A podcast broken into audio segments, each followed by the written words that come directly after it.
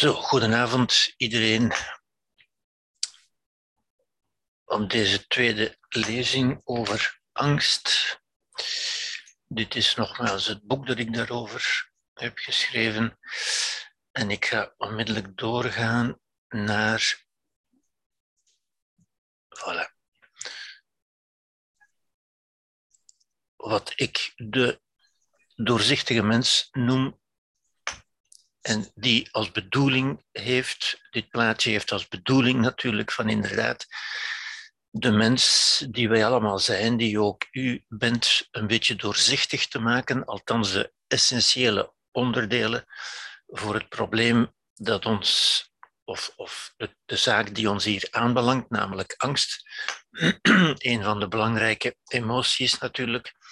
En de bedoeling hiervan is van de nadruk te leggen op het tweeledige besturingssysteem, wat ik u vorige week in detail heb uiteengezet, waar ik alleen maar heel schematisch op terugkom, namelijk het bewuste brein, het mensenbrein, de buitenkant van die hersenen die u hier ziet, en het onbewuste emotionele brein, het oerbrein, wat hier centraal in ligt, wat u van de buitenkant niet zo goed ziet, maar wat dus helemaal centraal, wat inderdaad, zoals mensen vaak zeggen, helemaal tussen de oren zit.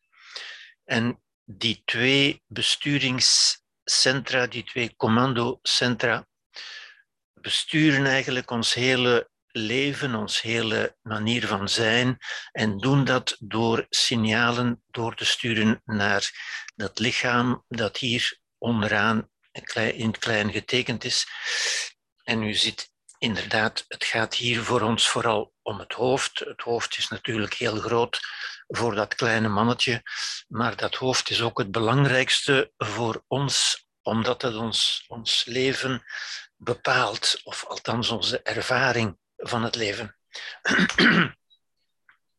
En om het heel even terug in herinnering te brengen, uh, het bewuste brein luistert vooral of reageert vooral op taal, dat wil zeggen op woorden, op ideeën, op logica, op argumenten, op verhalen en produceert daaruit cognities, dat wil zeggen gedachten uiteindelijk, ja. Gedachten, verhalen, overtuigingen, dingen die wij geloven, dat zit allemaal in ons bewuste brein. Wat we de geest kunnen noemen. Een, een heel moeilijk begrip, maar dat ja, ons geestelijk leven, ja, die, zoals ik al heb gezegd, vrij is in tijd en ruimte. De hersenen zitten in de, in de hersenpan, in de schedeldoos, maar de geest is vrij in tijd en in ruimte. Wij kunnen leven in het verleden, we kunnen denken aan de toekomst, we kunnen in Amsterdam zijn of in Parijs of in Zuid-Afrika in onze geest zijn wij ongelooflijk vrij uiteindelijk. Nu, dat is wat ons echt tot mens maakt. Dat is dus ook eigen aan de mens. Maar er is ook dat onbewuste brein. En dat onbewuste brein, dat emotionele brein, reageert meer op ervaringen. En ervaringen zijn gebeurtenissen die wij meemaken en voornamelijk, hoofdzakelijk, die gebeurtenissen zijn hoofdzakelijk, wat, wat, wat zijn dat wel? Dat zijn eigenlijk beelden, tekens uit de buitenwereld, signalen, films ook, boeken, gesprekken, alles wat non-verbale taal is, alles wat dus niet taal is, alles wat iets betekent, maar wat niet in woorden is gezegd, in niet-verbale taal dus. Ja. En dat onbewuste brein, zoals ik vorige week heb gezegd, produceert emotionele bewegingen, emotionele patronen, belevingen, bijvoorbeeld angst, waar het hier over gaat, maar ook andere emoties natuurlijk, ja. gedragspatronen ook, ja, gedragingen. Doorgaans is dat wat we het lichaam noemen tegenover de geest of soms ook het hoofd genoemd. Ja? Soms zeggen mensen ook, ik spreken ze ook over in het hoofd zitten of in het lichaam zitten. Ik hoop dat u hier begrijpt dat we altijd vooral in ons hoofd zitten, vooral tussen onze oren, inderdaad. Ja. En die emoties en dat is belangrijk, zijn altijd hier en nu. Dat is echt, zoals ook ons lichaam, is altijd hier en nu. Ja. Onze geest is vrij in tijd en ruimte. Ons lichaam en onze emoties dus is ook altijd, is altijd hier en nu. Ja. Nu, dat is heel schematisch voorgesteld, die twee belangrijke centra in ons, in ons brein, in ons, in ons zijn, in ons organisme. Uh, ik heb die natuurlijk didactisch om, de duidelijkheid, om de helderheid een beetje uit elkaar getrokken, maar u begrijpt natuurlijk ook dat die twee toch voortdurend met elkaar in verbinding staan. Ja? Namelijk op deze manier, het onbewuste stuurt het emotionele brein, het oerbrein, stuurt signalen naar het bewuste brein en omgekeerd. Ja? U weet dat er ook woorden, dat, dat bijna alle woorden, de meeste woorden uiteindelijk, argumenten, verhalen enzovoort, ook een emotionele component bevatten, ook beelden overbrengen. Ja? Terwijl natuurlijk gebeurtenissen ook omgezet worden in, in verhalen en in taal. Dus die twee overlappen elkaar, maar toch zijn ze verschillend. En dat is belangrijk, daar gaan we het straks ook over hebben. Ook hier is er natuurlijk um, wederzijdse beïnvloeding of, of, contaminatie zelfs, als u wil. Ja. Um, alles is een beetje, heeft ook invloed op de rest. We kunnen niet iets denken. Al wat we denken heeft ook een emotionele component en omgekeerd. Ja. maar toch blijft die grote indeling tussen het bewuste brein en het onbewuste brein altijd belangrijk, ook omdat dat in onze ervaring altijd meespeelt. Ja. Goed, dit breng ik u even in herinnering. Ik heb dat vorige week in detail besproken. Ik ga daar nu niet op terugkomen. We gaan nu door naar iets wat vorige week niet aan bod is gekomen, namelijk wat men traditioneel de behoeftepyramide is gaan noemen. Namelijk dat wat ons drijft, dat wat ons motiveert ook, waarom we doen wat we doen en wat door uh, Abraham Maslow is voorgesteld in de vorm van een piramide die ik u dadelijk zal tonen. Het belang hiervan is, als we het over angst hebben, dat angst altijd verwijst, angst wijst altijd op een behoefte of op een verlangen. Ja.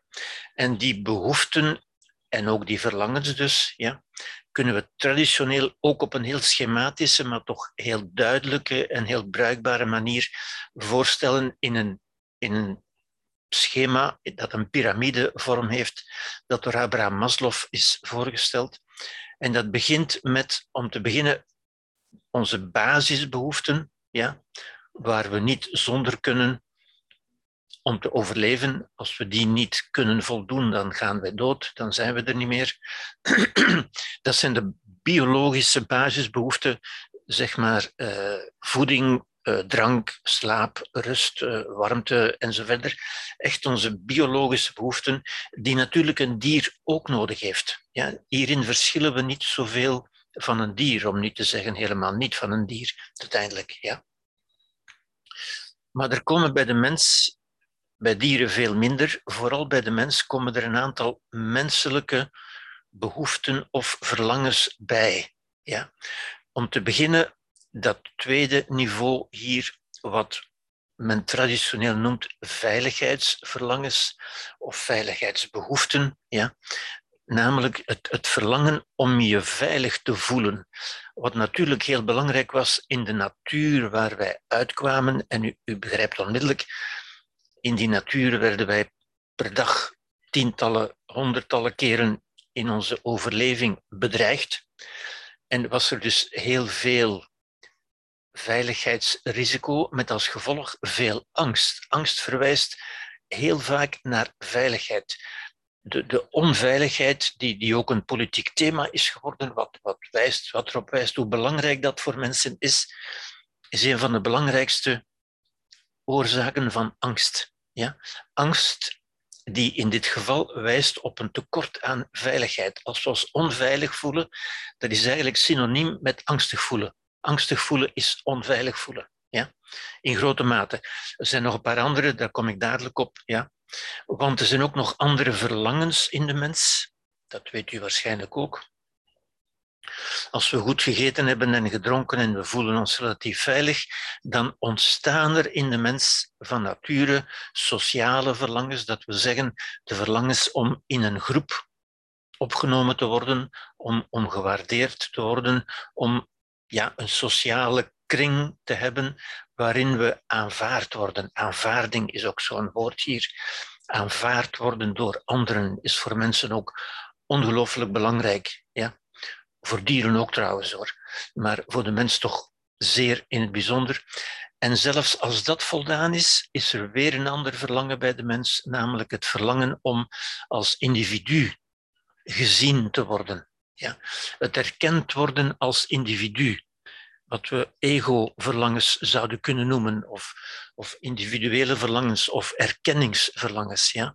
En ook dat horen we heel vaak bij mensen, dat ze een tekort hebben aan erkenning, dat ze niet erkenning, erkend worden. Ja? Er is de, die twee zijn echt typisch menselijke verlangens. Ja? Het verlangen om aanvaard te worden, maar tegelijk ook het verlangen om erkend te worden, om gezien te worden als een bijzonder iemand, als een individu, als een identiteit. Men kunt dat ook identiteitsverlangens noemen. Ja? En als ook dat voldaan is, dan ontstaat bij de mensen, valt natuurlijk veel meer over te zeggen waar ik nu niet op inga. Er is nog een laatste vakje, hokje hierboven, namelijk het vakje van de zingeving. Ja. En de zingeving, dat is natuurlijk echt het meest menselijke van al die verlangens. Ja? Want al die verlangens vinden we zeker in, in het begin, in embryonale fase, ook bij, bij dieren terug. Zingeving is echt het typisch menselijke verlangen, of de typisch menselijke behoefte, zou u kunnen zeggen. Namelijk het verlangen om een leven te leiden dat niet futiel is, dat niet, niet zinloos is, maar dat een zin heeft.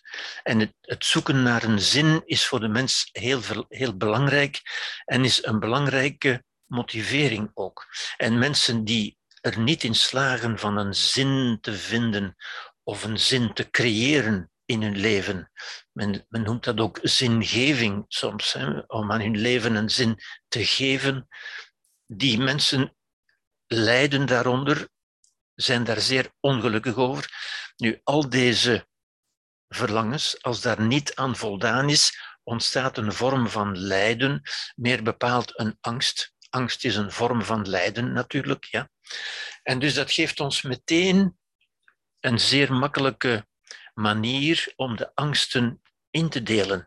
Want op elk niveau kunnen er kunnen er angsten ontstaan.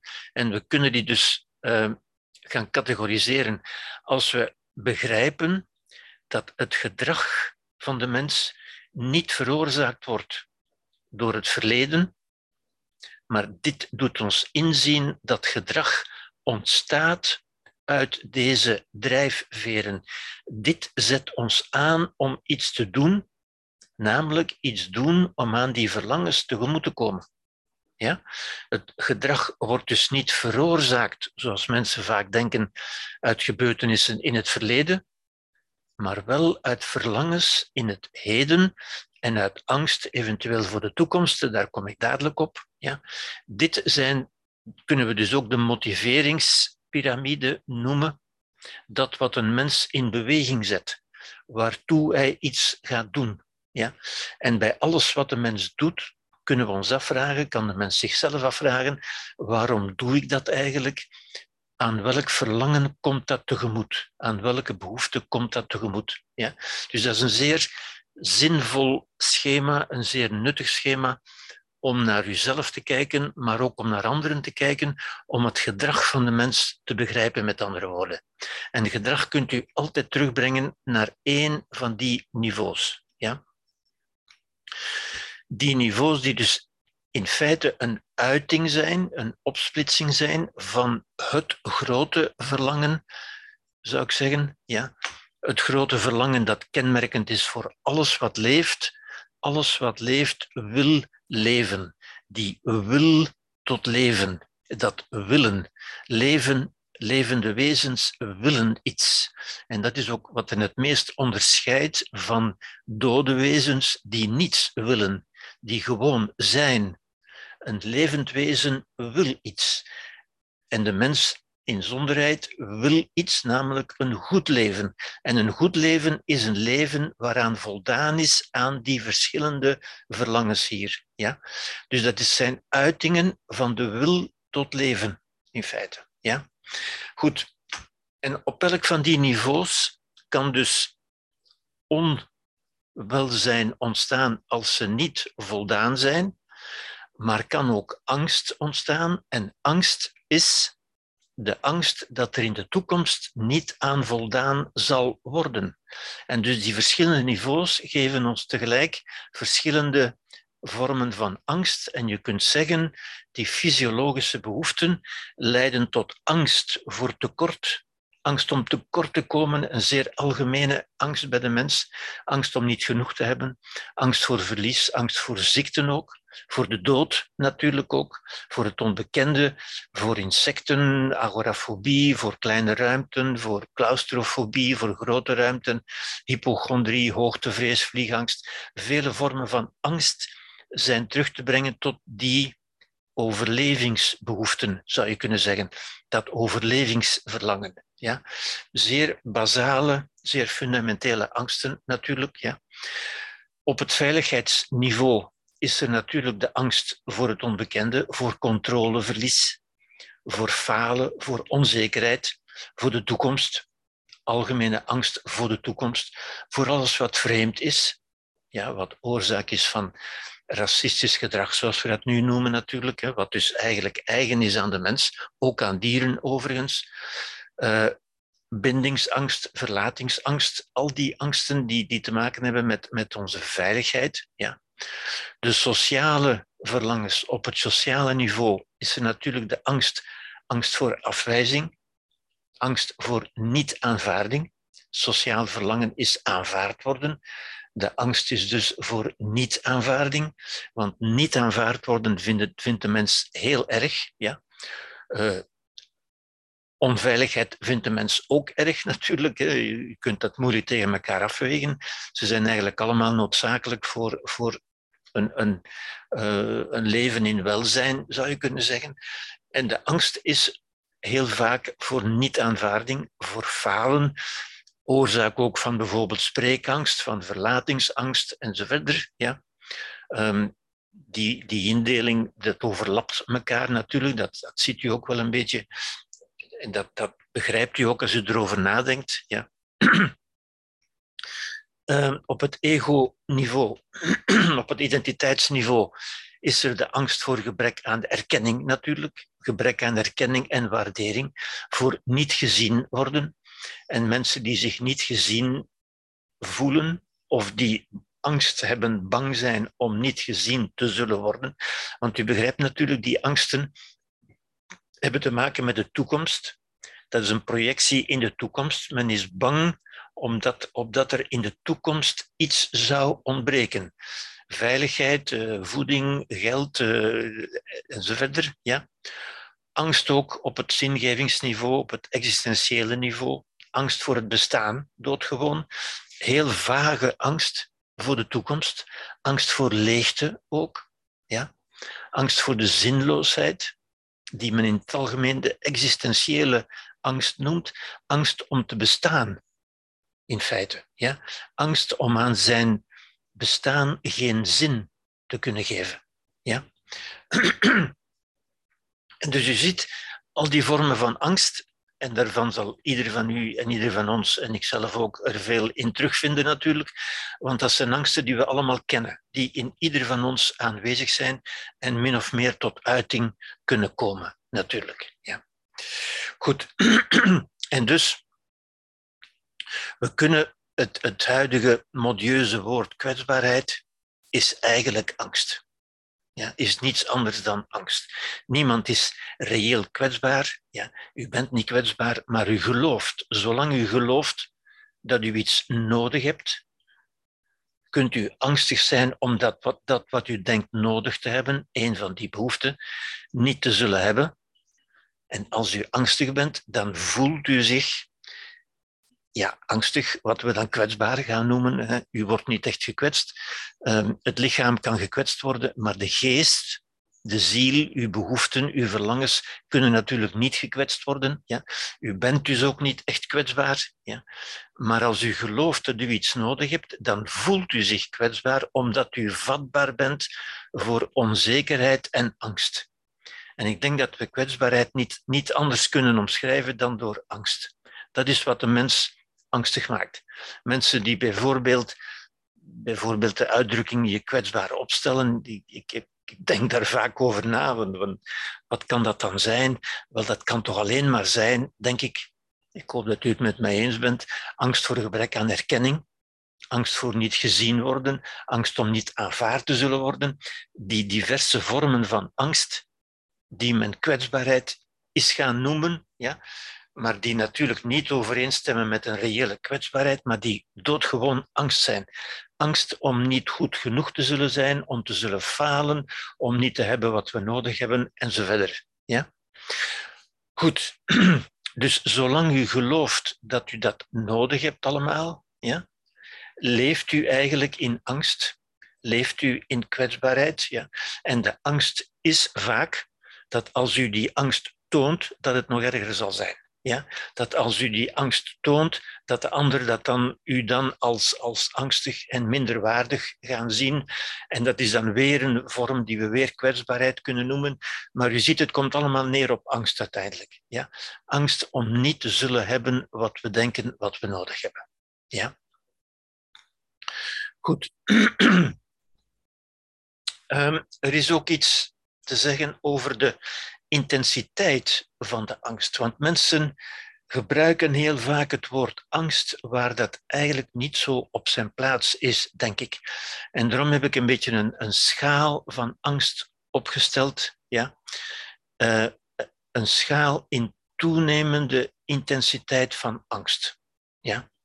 Met onderaan, uitgaande van de redelijkheid, ja, kunnen we spreken over voorzichtigheid. Ja. Voorzichtigheid is niet echt angst. En ik denk dat wat mensen vaak angst noemen, is vaak ook voorzichtigheid. Voorzichtigheid is eraan denken. Eraan denken is redelijkheid. Is denken, dat is geen emotie, dat is denken. Alhoewel emoties ook denken zijn natuurlijk, zoals ik heb gezegd. Maar het is bewust denken. Denken en plannen wat er zou kunnen gebeuren en de mogelijke toekomstige gebeurtenissen niet angstig tegemoet zien, maar ze met voorzichtigheid voorzien. Het is voorzienigheid, het is voorzichtigheid uiteindelijk. Rekening houden, ja, zoals een volwassene dat kan, zoals een mens dat kan, met de mogelijke dingen die zich kunnen voordoen. Ja? Dat kan natuurlijk als dat wat, wat toeneemt in intensiteit, ja, kan daar een emotionele component bij komen en dan wordt dat meer bezorgdheid. Ziet u, in bezorgdheid zit al iets van emotie, in waakzaamheid. Ja? Alhoewel dat natuurlijk weer een beetje elkaar overlapt. Het is niet zo strikt gescheiden van is dat nu voorzichtigheid of is dat nu bezorgdheid. U ziet gewoon, het is een schaal van toenemende intensiteit.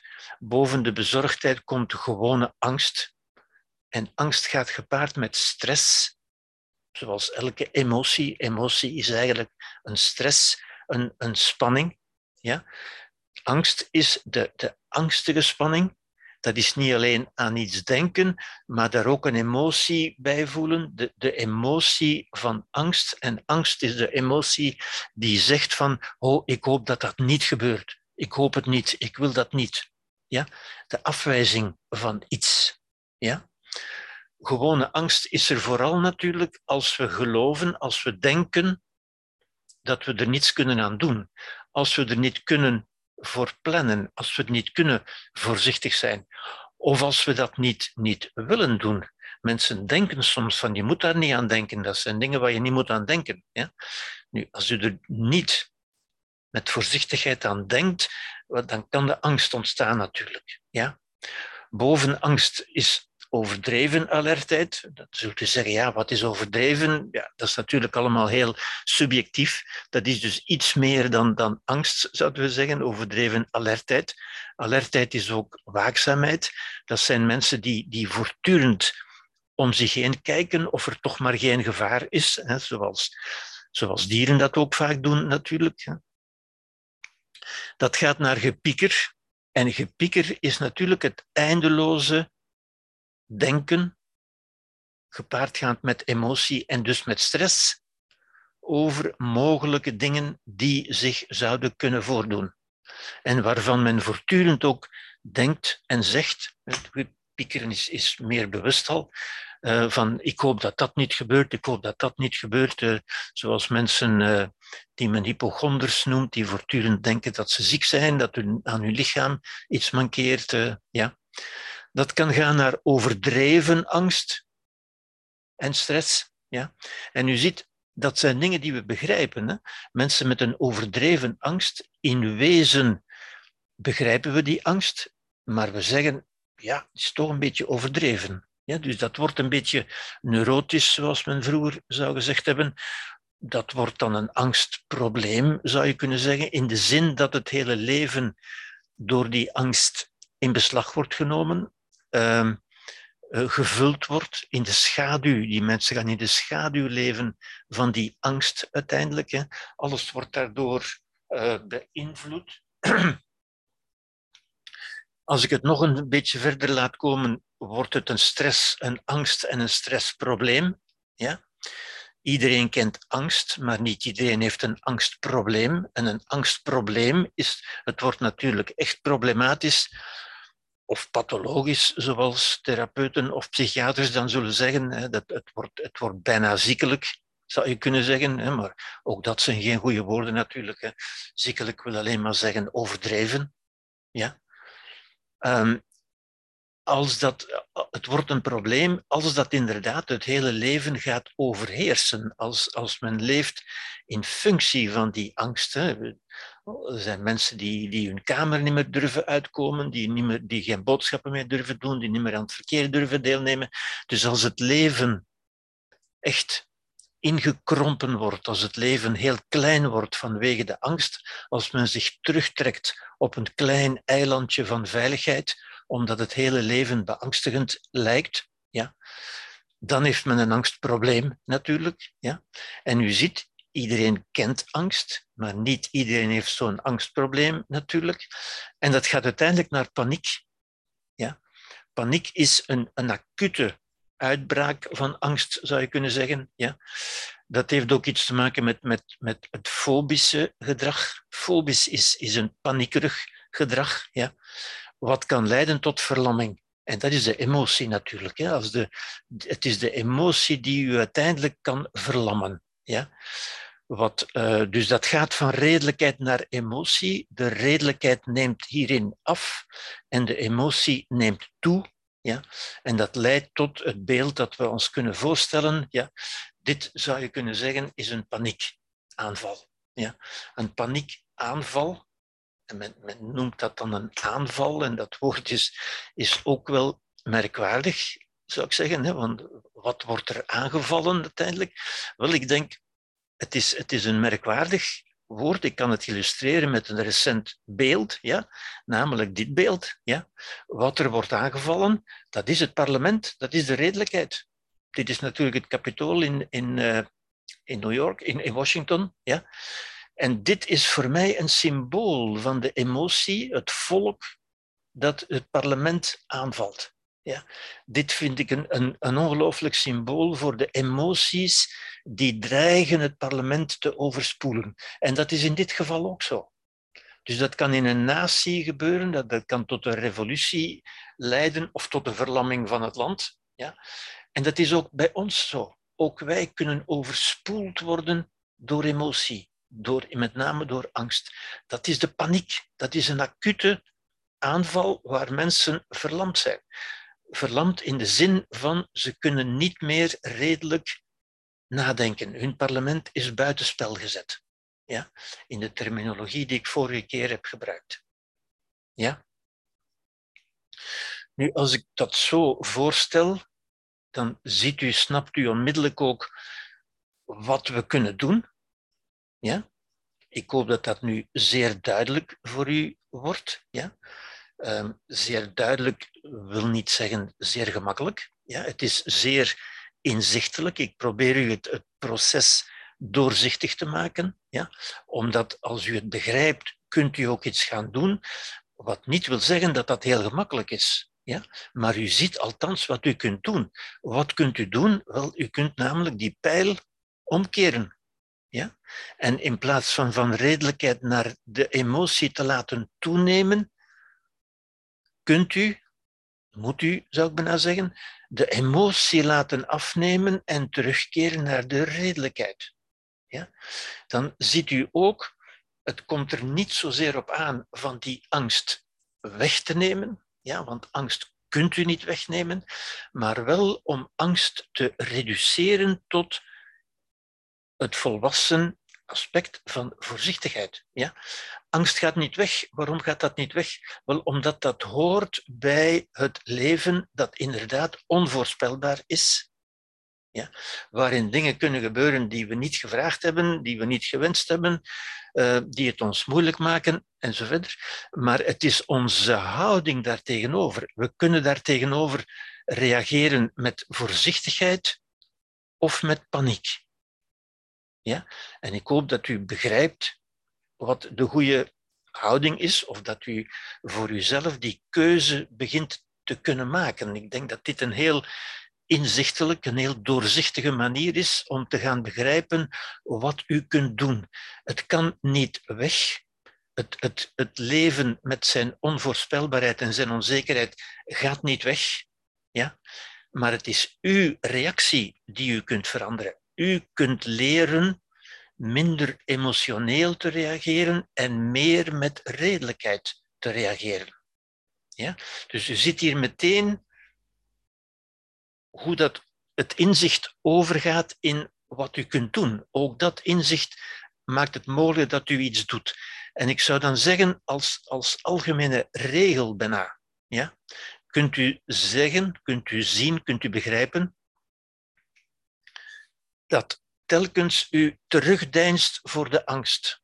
En terugdeinzen wil zeggen dat u angst voelt en dat u achteruit gaat, dat u het niet doet. Ik zal dat vliegtuig maar niet nemen, ik zal maar geen boodschappen gaan doen, ik zal maar niet met de auto gaan, ik zal maar niet uh, de roltrap, ik zal die lift maar niet nemen. En er zijn zo mensen, ik ken mensen die, die, die ongelooflijk veel trappen doen om toch maar geen lift te moeten nemen. Nu, dat kunt u in zekere mate doen. Maar er is natuurlijk een grens aan. Als u in een, echt hoog gebouw moet, dan hebt u geen keuze. Dan kunt u het alleen maar verlaten. Als u het vliegtuig niet durft nemen, dat kunt u natuurlijk doen, maar uw leven wordt altijd kleiner. Ja? De angst wordt altijd groter. Dat stellen die mensen ook vast. Ja? En u wordt altijd kleiner. U en uw leven, uw, uw leefwereld wordt eigenlijk altijd maar kleiner. Ja?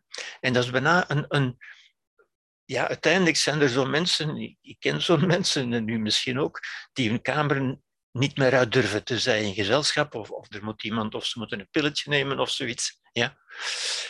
Omgekeerd zou ik zeggen, ja? als u niet terugdeinst, als u de angst voelt en toch doorgaat. Ja? En dat is een beslissing die u kunt nemen als u de angst voelt niet als u wacht tot de angst weg is, want die, die gaat niet weg. Als u de angst voelt en toch doorgaat, dan wordt de angst kleiner en wordt u groter. Ja? En dat is een, een, een dynamisch evenwicht. Het is dus niet zo van wel of geen angst. Nee, het is een dynamisch evenwicht. Wat is het grootste? Wordt uw leven bestuurd door de angst of bestuurt u uw leven ondanks de angst? Zou ik zeggen. Ja? Dus u ziet hier meteen in een notendop wat u kunt doen, wat in uw macht ligt. Ja? Dat is iets wat u moet weten. U moet weten dat het in uw macht ligt, ook als u gelooft en vooral als u gelooft. En dat is natuurlijk het, het, het hoe zou ik zeggen, ehm, het, het verbijsterende in zekere zin. Ja? Ik heb u gezegd dat emoties natuurlijk een invloed hebben op ons denken. Ja? En die emotie doet ons denken, zeker als we in paniek zijn, of in fobie, of in verlamming, gaan wij denken van hier kan ik niks meer aan doen. Nu ben ik machteloos. Dat is de verlamming. Ja. En ook dan zou u toch moeten weten, en dat is een weten, ook al voelt het niet zo, zou u moeten weten dat u toch niet machteloos bent. Maar goed, daar kom ik straks op terug. Elk gedrag, dat heb ik vorige keer ook gezegd, en dat is ook iets wat u moet weten, wat u moet begrijpen, wat u om te beginnen moet begrijpen, om het dan tot een realiteit te kunnen maken, om het dan te kunnen doen. Ja? Elk gedrag, elk gedrag, ja, zijn geen uitzonderingen, bevestigt een bestaand patroon of creëert een nieuw patroon. Dat heb ik vorige keer ook gezegd? Maar het neemt hier nog aan belang toe natuurlijk. Hè? Met name door deze twee uitspraken. Telkens u terugdeinst voor de angst, bevestigt u het patroon dat de angst groter is dan u. En als u dat bevestigt door uw gedrag, dan gaat uw brein dat ook meer geloven en wordt de angst altijd groter en wordt u en uw leefwereld kleiner. Omgekeerd, elk gedrag bevestigt een bestaand patroon of creëert een nieuw patroon. Telkens u het toch doet, als u die lift waar u zo bang voor bent, als u hem toch neemt, wel, dan creëert u een nieuw patroon. Het nieuwe patroon is van, ziet u, ik kan het toch. Ja? En dan ontstaat langzamerhand die overtuiging. En als u het een tweede keer doet, wordt die overtuiging groter. En de derde keer wordt die nog groter. En u ziet, u wordt groter en uw angst wordt kleiner, in feite. Ja? Want dat is ook iets wat ik hierbij wil aanmerken natuurlijk. Hè. Angst is een gedrag. Ja? Angst is niet iets. Dat is ook iets wat mensen vaak denken en wat wij natuurlijk intuïtief zo kunnen denken. Ja? Zeker als mensen in een paniek raken, zeggen ze heel vaak en denken ze dus en geloven ze dus, en ook dat is een gedragspatroon, ja? denken ze vaak dat ze daardoor overvallen worden. En als we door iets overvallen worden, dan wordt dat heel gemakkelijk gezien als een vijand die we moeten bestrijden. En u kent die woorden natuurlijk, die we moeten proberen te overwinnen en zo verder. Ja? Ik zou zeggen, dat is volkomen fout. Angst is, geen, is niet iets wat u overvalt, is geen vijand, kunt u ook niet overwinnen. Ja? Angst gaat niet weg. Ja, ik hoop dat ik u met die schaal ook laat zien dat angst niet weg zal gaan, maar u kunt er wel leren op een volwassen manier mee om te gaan. Dat wil zeggen met voorzichtigheid, met redelijkheid dus. Ja? Want u hebt die emotie niet nodig, want er is geen vijand. Er zijn alleen maar dingen. Ja? Er is alleen maar een lift, er is alleen maar een vliegtuig en ook dat zijn geen vijanden. Die overvallen u niet, die, die achtervolgen u niet. Ja? Het is uw reactie. De angst en dat is in feite een, een ongelukkige taalkundige formulering van dat de angst te noemen. Ja? Want als we zeggen de angst, en, en kunnen moeilijk anders uiteindelijk, ja?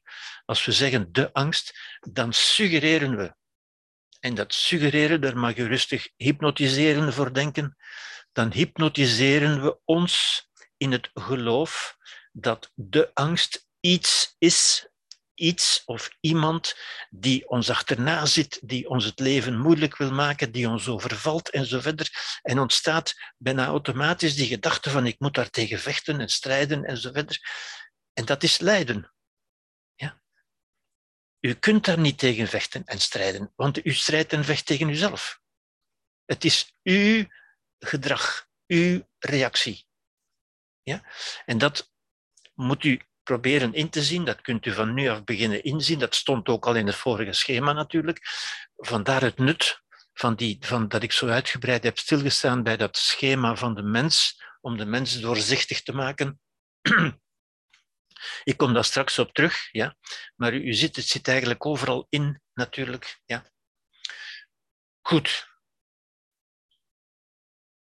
Laat u het goed tot u doordringen, telkens u terugdeinst voor de angst, telkens u angst de macht geeft, wordt de angst groter en wordt u kleiner.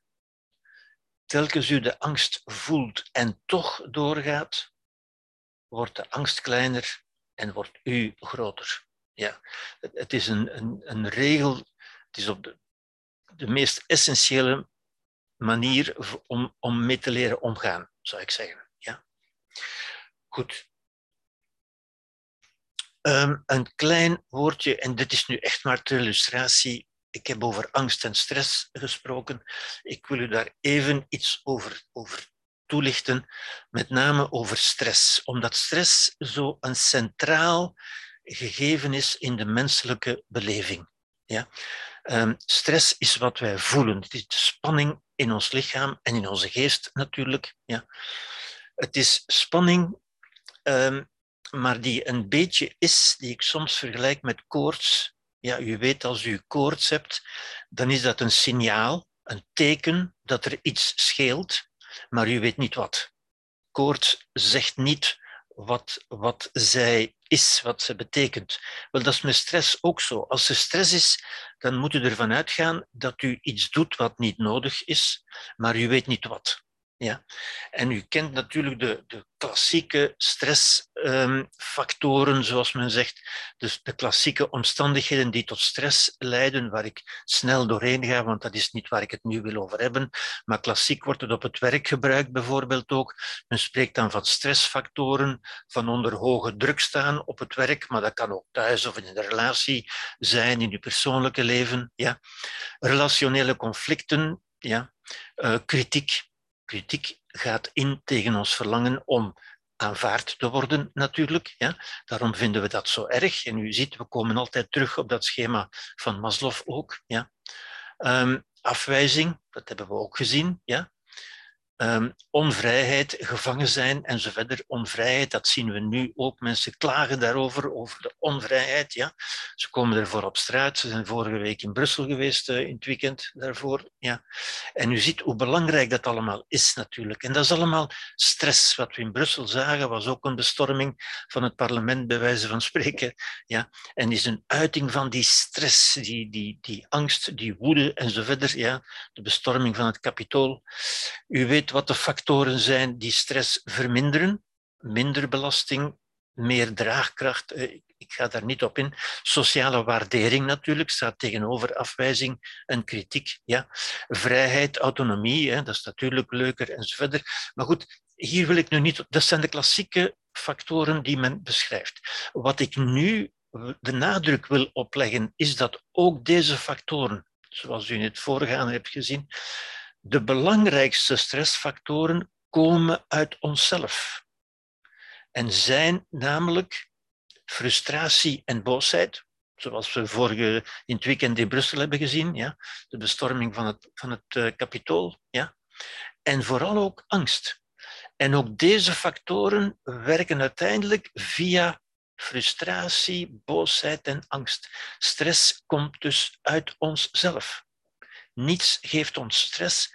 Niets beangstigt ons ook. Het is onze angst. Wij creëren angst om in de toekomst dit of dat tekort te zullen hebben. En door die angst creëren wij ook stress. Creëren we dan zelf stress? Ja, meneer, we creëren zelf stress. Zit stress dan tussen onze oren? Ja, meneer, stress zit tussen onze oren. En nergens anders. In de buitenwereld zijn er alleen omstandigheden die nog goed, nog slecht zijn, die er alleen maar zijn. Dit is onze reactie op stress. Vooral op angst, maar ook in bijna even grote mate op woede en frustratie. Ja? Wat zijn de gevolgen van stress? Wel, een eerste die we nu ook goed kennen, die, die nu ook van belang is voor ons, is inderdaad, en dat klopt, een remming van de immuniteit. Ja? Op een manier waar ik, die, die heel duidelijk is, heel logisch is, waar ik nu niet kan op ingaan, maar die inderdaad heel kausaal, heel logisch is. Ja? Dat begint met remming van de immuniteit, dat we zeggen vatbaarder worden voor infectie, voor ziekte in het algemeen, gaande tot lichamelijke problemen en ziekten. Ja? U, begrijpt, dat is ook een heel belangrijk stuk waar we zouden kunnen op ingaan. Ik ga daar nu niet op ingaan, omdat we er vanavond de tijd niet voor hebben natuurlijk. Ja. Um, remming van de cortex. De cortex is ons parlement. Dat is de buitenste schors, dat is ons redelijke, narratieve, bewuste brein. Dat wordt geremd, ook fysiologisch. Men kan dat aantonen. Als men onder stress is, en stress kan men meten, kan men in een persoon vaststellen, zoals men koorts kan meten, kan men ook stress meten op een vrij eenvoudige manier. En als er stress is in u, als u stress creëert, met andere woorden, als uw organisme met stress reageert, zal het zo zeggen, ja, wel, dan wordt eigenlijk uw bovenste verdieping, uw cortex, gedesactiveerd, geïnhibeerd, geremd. Daar gaat concreet fysiologisch minder bloed naartoe, omdat het organisme zegt, dit hebben we nu niet nodig, dit is een urgentie, dat is zo in paniektoestanden bijvoorbeeld, ja, of in, als u verlamd bent. Ja. U kunt niet meer denken gewoon omdat uw cortex in stand-by wordt gezet omdat, daar geen, omdat je organisme denkt, jammer, voor dat nadenken en dat plannen, daar heb ik nu geen tijd voor, want er is nu een urgentiesituatie. En in een urgentiesituatie worden urgentiesystemen geactiveerd. Er is dus minder redelijkheid, minder psychische immuniteit. Psychische immuniteit is onze redelijkheid, onze veerkracht, die berust op redelijkheid. Er is dus minder psychische immuniteit, er is dus meer psychisch onwelzijn. Ja? Wat niet hetzelfde is als ziek zijn natuurlijk, hè? dat is nog geen ziekte. Ja? Er is ook psychisch lijden in zijn diverse vormen en angst is al een vorm van lijden. Ja? Stress is ook een vorm van lijden, dat is al lijden uiteindelijk. Maar dat kan natuurlijk nog acuter worden, ja. psychisch lijden, waaraan men dan kan proberen te ontsnappen door bijvoorbeeld een verslaving. Ja. Leidt angst tot verslaving? Eh, niet rechtstreeks, maar het individu dat daarmee te maken heeft, kan naar verslaving grijpen om te ontsnappen uit de angst. Angst veroorzaakt geen verslaving, stress ook niet, maar het individu kan zich tot verslaving, het gebruik van allerlei substanties, waaronder legale, legale geneesmiddelen bijvoorbeeld, waar men evenzeer verslaafd aan kan zijn, ja. Um, als strategie om te ontsnappen aan dat psychisch lijden. Want dit is een echt lijden. En dat kan zeer lang duren. Een mens kan zeer lang in stress, in angst, in boosheid en dus in stress leven. Ja? Waardoor dat occasionele gebruik, ja, u, men kan zich een keer bedrinken om, om, om, om een, een onverwachte gebeurtenis uh, te verwerken, te overkomen, zou ik zeggen. Maar als men elke dag gaat drinken, dan wordt het een verslaving, natuurlijk. Ja? Of als men elke dag uh, Valium of andere geneesmiddelen gaat nemen, of antidepressiva, of wat dan ook, dan wordt het een verslavingsgedrag, natuurlijk. Ja? Verslaving, eetstoornissen, zijn daar ook bij. Ja? Leidt dat, mensen denken dan altijd dat leidt tot. Nee, dat leidt niet tot, maar mensen kunnen de keuze maken om dat soort middelen, dat soort gedragingen te gaan gebruiken om hun stress te verlichten. Ja? Burnout natuurlijk. Ja, stress is de belangrijkste oorzaak van burn-out niet zozeer het fysieke werk. We werken niet meer in de mijnen, we hebben niet meer zo'n zware fysieke arbeid als onze, als onze voorouders uh, hadden. Toch hebben we meer burn-out, omdat burn-out natuurlijk vooral een emotionele uitputting is. door stress, door lijden, niet door fysieke arbeid, niet door te veel arbeid, niet door te veel werk, maar door te veel stress. Het is de stress die ons uitput. Ja, en mensen begrijpen dat niet genoeg. Angst en, en ook woede put ons uit. Ja? Burn-out is, ik kan niet meer. Ik kan dit niet meer aan. Ja? Depressie, het tot suïcide. Ja? Depressie en suïcide is niet zozeer, ik kan dit niet meer aan, in zekere zin ook natuurlijk, maar is vooral, ik wil dit niet meer. Depressie en suïcide zijn, zijn ook ontsnappingsstrategieën, zou je kunnen zeggen, uh, copingstrategieën, om het met een psychologisch woord te zeggen, maar zijn manieren om, om zich te onttrekken, om te ontsnappen aan dat psychisch lijden, in feite. Ja? En dus u ziet, men kan dat als, als aparte ziekten gaan beschouwen, maar dat zijn niet meer ziekten dan dat angst een ziekte is. Het zijn reactiemechanismen, reactiestrategieën, zou je kunnen zeggen. Ja? Waar de mens zich kan toewenden, intuïtief, onbewust vaak, niet, niet, zeker niet een bewuste keuze, mensen kiezen daar niet voor, maar nemen dat onbewust, omdat dat behoort tot ons, tot ons emotioneel patrimonium, tot onze gereedschapskist. Iedereen kan dat. Een klein kind kan dat ook. Ja? Een klein kind dat zijn zin niet krijgt, gaat boederen. Een grote mens gaat in depressie. Ja? Maar het is hetzelfde mechanisme uiteindelijk. Ja? Dat kan zelfs gaan tot gebruik van geweld. Geweld om stress te ontladen. Ja? Geweld op iemand die men dan als de schuldige daarvan ziet, die men als de zondebok ziet, waarop men, zijn angst, zijn frustratie gaat afreageren. Ja? Leidt stress tot geweld? Nee, maar de persoon met stress kan geweld gebruiken om zijn stress af te reageren. Ja?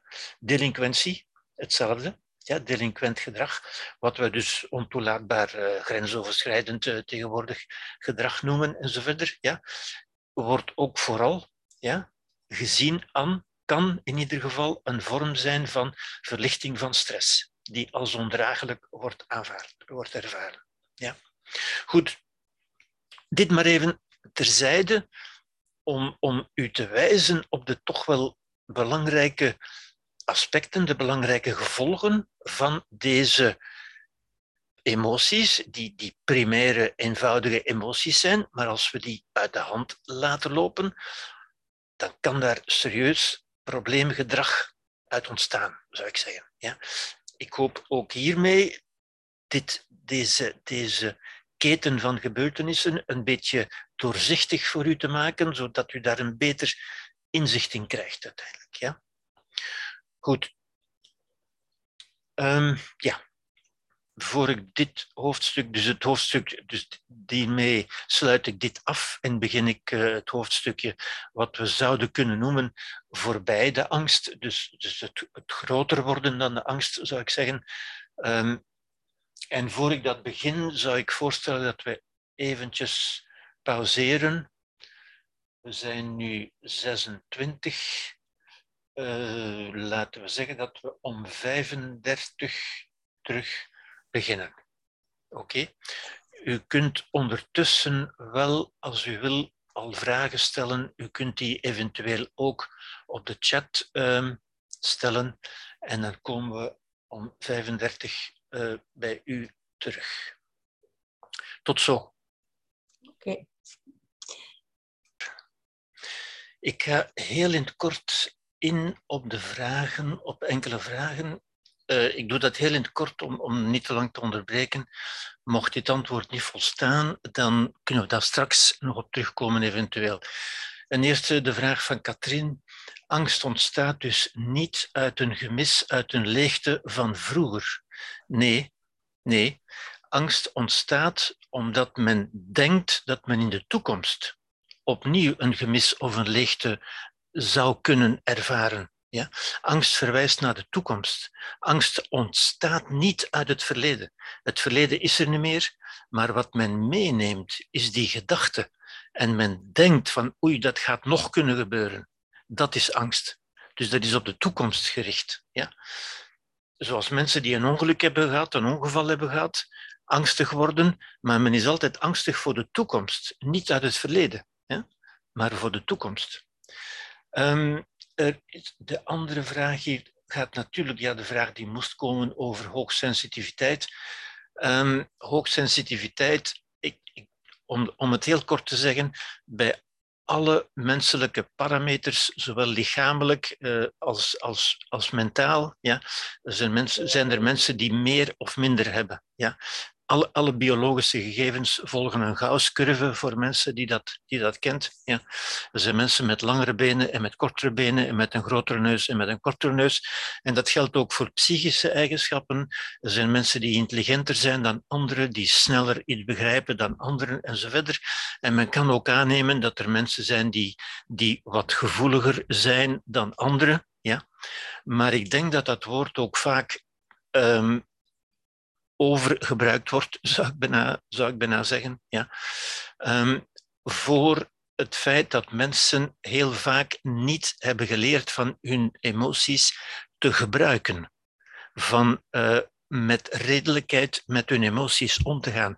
En men kan dat dan toeschrijven, en dat is natuurlijk de verwarring dan, en dat wordt vaak zelfs door professionelen gedaan, men kan het dan toeschrijven aan een teveel aan emoties, maar ik zou zeggen, vaak is het door een tekort aan redelijkheid of een tekort aan redelijke, redelijk gebruik van de emoties. Ja?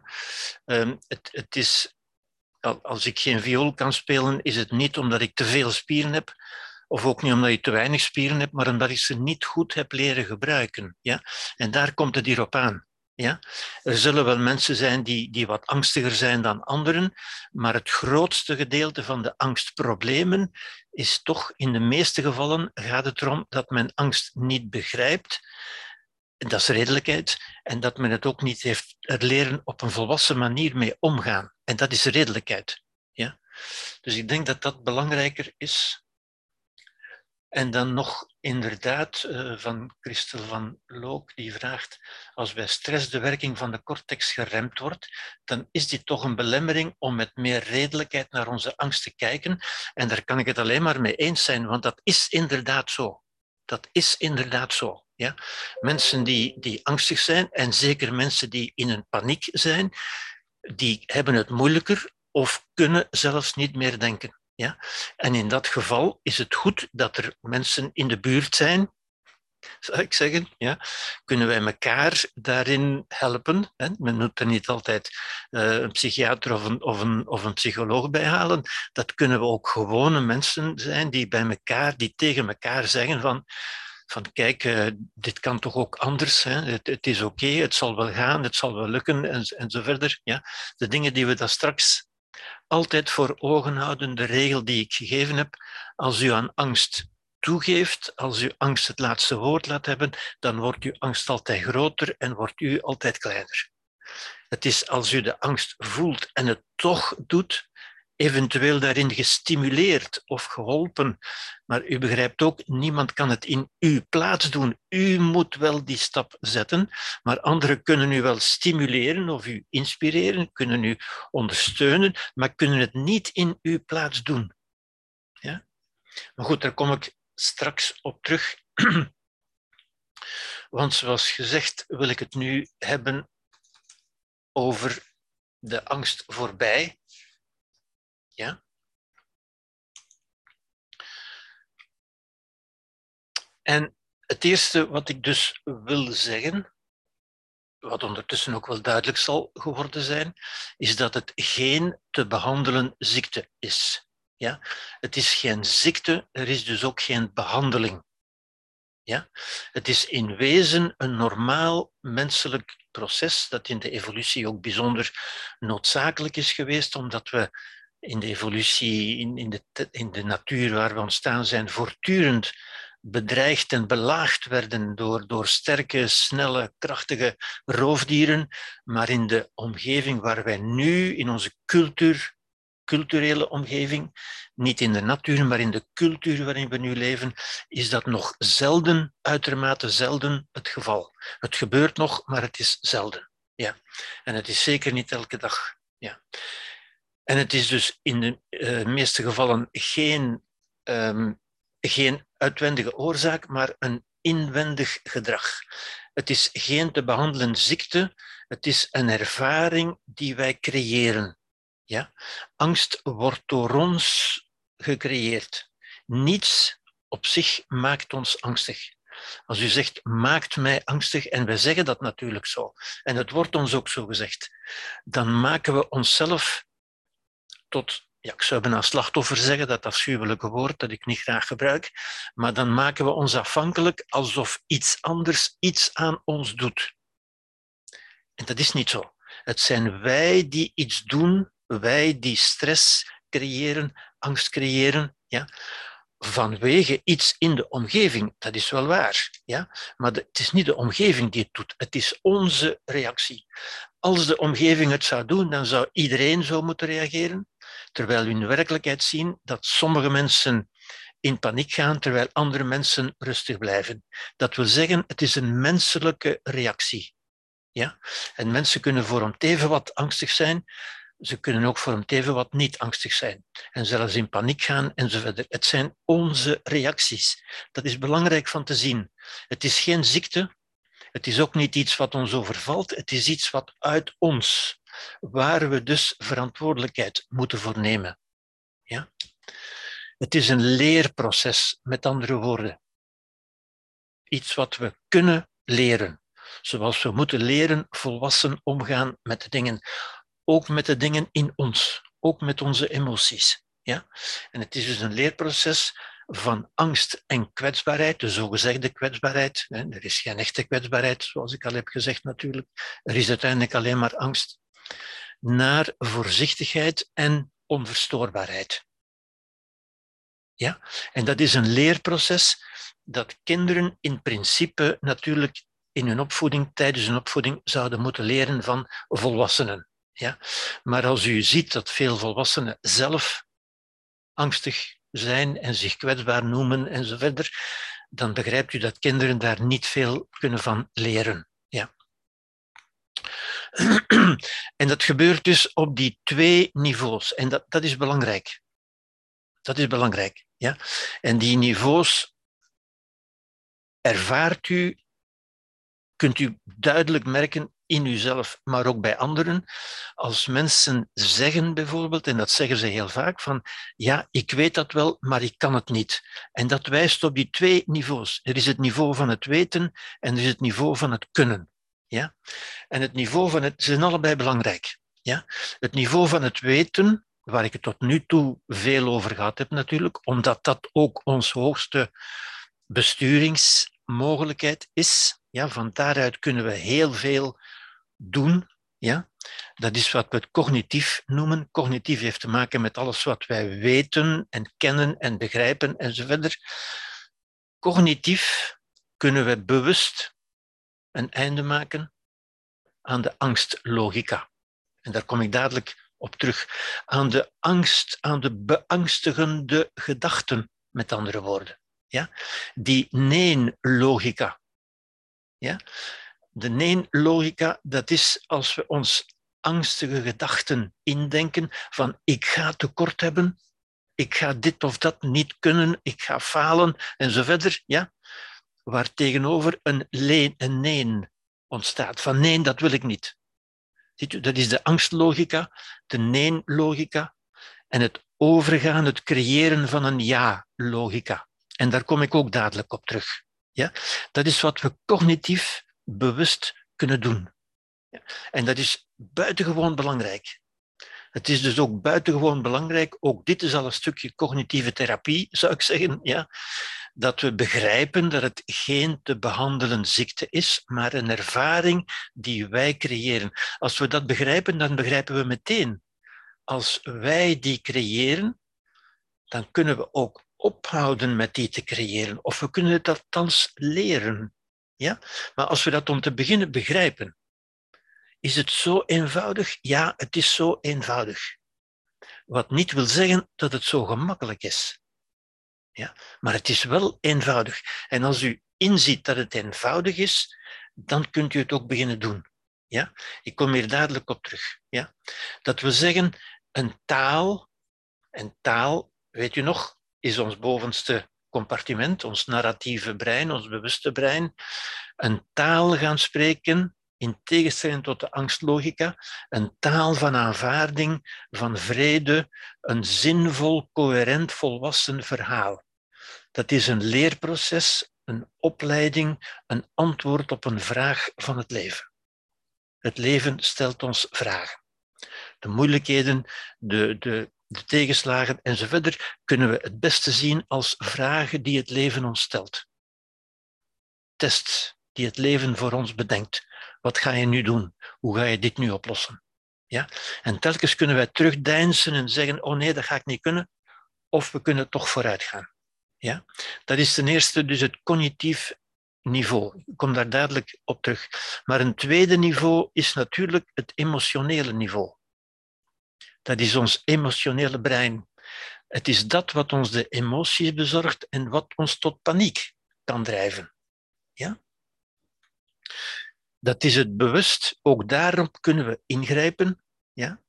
Het bewust tot rust brengen, rust creëren, rust brengen van de fobische reacties. Fobische reacties, dat zijn de reacties, dat is de nee-logica. Van, oh nee, dat ga ik zeker niet doen. In die lift ga ik niet in. In dat vliegtuig, nee.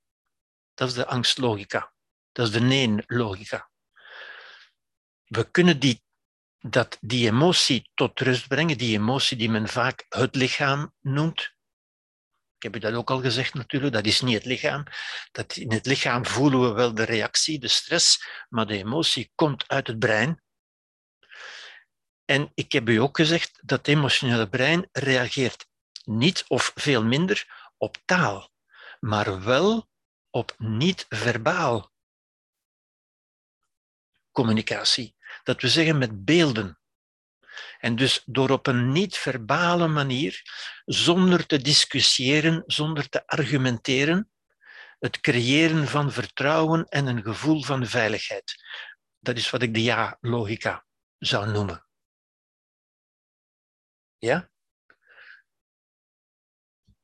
Dus als ik weer onze doorschijnende mens erbij haal, ons brein, ons tweeledig besturingssysteem, ons emotionele brein, ons narratieve brein, dat is het bewuste brein, ja, die twee niveaus, die natuurlijk iets met elkaar te maken hebben en dit brein, dit narratieve brein, creëert onze gedachten, onze taal, ons spreken. Dat hebben we gezien, dat is ons hoofd, dat is de geest. En dit creëert wat we somatisch, somatisch wil zeggen in verband met het lichaam, creëert gewaarwordingen, tekens, signalen, symptomen, pijn eventueel, stress, gedrag ook. Ik heb u die, die aangetoond. En stress leidt tot bepaalde vormen van ongewenst gedrag, verslavingsgedrag en andere. Ja dat wat ook een non-verbale taal is. Dat is het emotionele brein dat spreekt, maar niet in taal, maar wel in lichaamssignalen, lichaamsgewaarwordingen, zou je kunnen zeggen. Goed, als we daar willen op ingrijpen, kunnen we om te beginnen, wat ik zei, het eerste is het cognitieve niveau. Ja, dit, dit is dus het lichaam, zoals men zegt, ja, de motivatie, maar het lichaam dat is niet dit, maar dat is wel ons emotionele brein. Het lichaam reageert daar gewoon op. Ja. Als we daar nu willen op ingrijpen, kunnen we dat doen op die twee niveaus. Ja. En het eerste is het cognitieve niveau, de cognitieve benadering van angst. Ja? Dat is iets wat u bij uzelf kunt doen, of wat u bij anderen kunt doen, of wat anderen bij u kunnen doen. Dat, noemt, dat wordt dan therapie genoemd. Maar uiteindelijk komt het erop aan dat u uw narratieve brein op een andere manier gaat voeden. Dat u andere ideeën, andere argumenten, andere taal, een betere taal, betere woorden, betere ideeën, betere inzichten, die ik u hier onder meer heb meegegeven. Ja? Betere argumenten, betere logica, betere verhalen, waardoor u tot een ander denken, een andere geest, een ander bewustzijn zult komen. Ja? Ja, dus dat is ten eerste het narratieve brein. Dat is voor vele vormen van, van angst zonder te veel emotie, zou ik zeggen. Dat is niet voor paniek. Ja? Dus op de schaal van de intensiteit staat dit onderaan. Dit is om redelijk om te gaan met redelijke angsten. En angst kan redelijk zijn. Ja? Angst is niet onredelijk, zoals ik u gezegd heb. Ja? Want het, is, het, is, het leven is inderdaad onzeker, onvoorspelbaar. Men weet niet wat er kan gebeuren. Ja? En dus het is redelijk om daaraan te denken, om dat te voorzien, om daar volwassen mee om te gaan, zou ik zeggen. Ja? Um, wat is dat? Wel, voorbeelden. De onze waarneming is, we zien bijvoorbeeld. Waarneming is wat we kunnen waarnemen. We kunnen waarnemen dat mensen reageren op een compliment op een kritiek of op een belediging. Dus we zien hier, mensen reageren daarop met emoties. Ze worden blij, ze worden angstig of ze worden boos. Met andere woorden, u hebt macht over anderen of anderen hebben macht over u door u een compliment, een kritiek of een belediging te geven. Als u daarop reageert, emotioneel, hebben, hebt u een macht over anderen of hebben anderen een macht over u.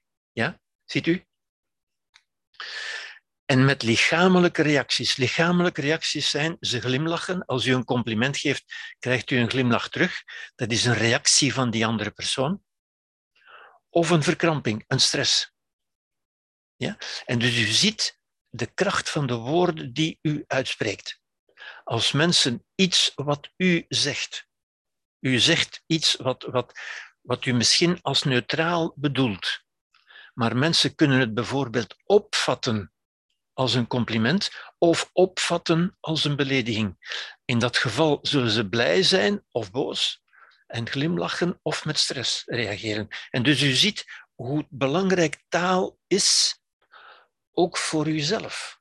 Als u tegen uzelf zegt, dat wat die tegen mij zei, dat is toch wel een belediging, dan maakt u uzelf boos, creëert u bij uzelf stress, onbehagen enzovoort. Ja?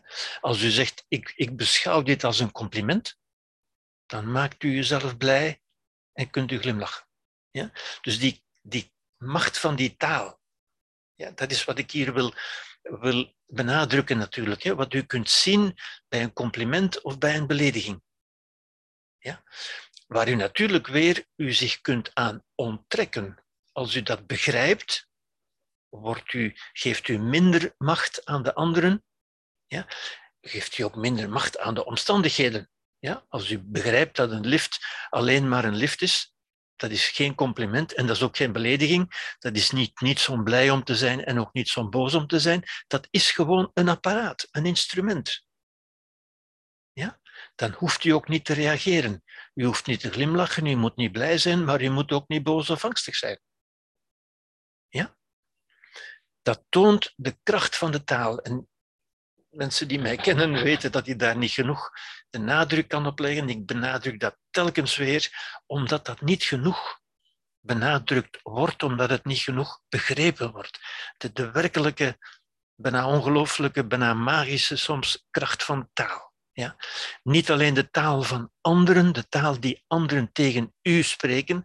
En als u reageert, als u emotioneel reageert op die taal, omdat u intuïtief dat ziet als een compliment of als een belediging, zonder er verder over na te denken, dan geeft u eigenlijk anderen een macht over uw emoties. En ze hebben die macht ook. En anderen die dat doorhebben, kunnen die macht ook gebruiken, ook bewust. Dan kunnen ze gaan manipuleren, eventueel. Maar iedereen doet dat natuurlijk. Wij gebruiken altijd die macht. Ja. U kunt u bevrijden van manipulatie als u over uw emoties zelf gaat beslissen. Als u de andere die macht gewoon niet meer geeft. Ja?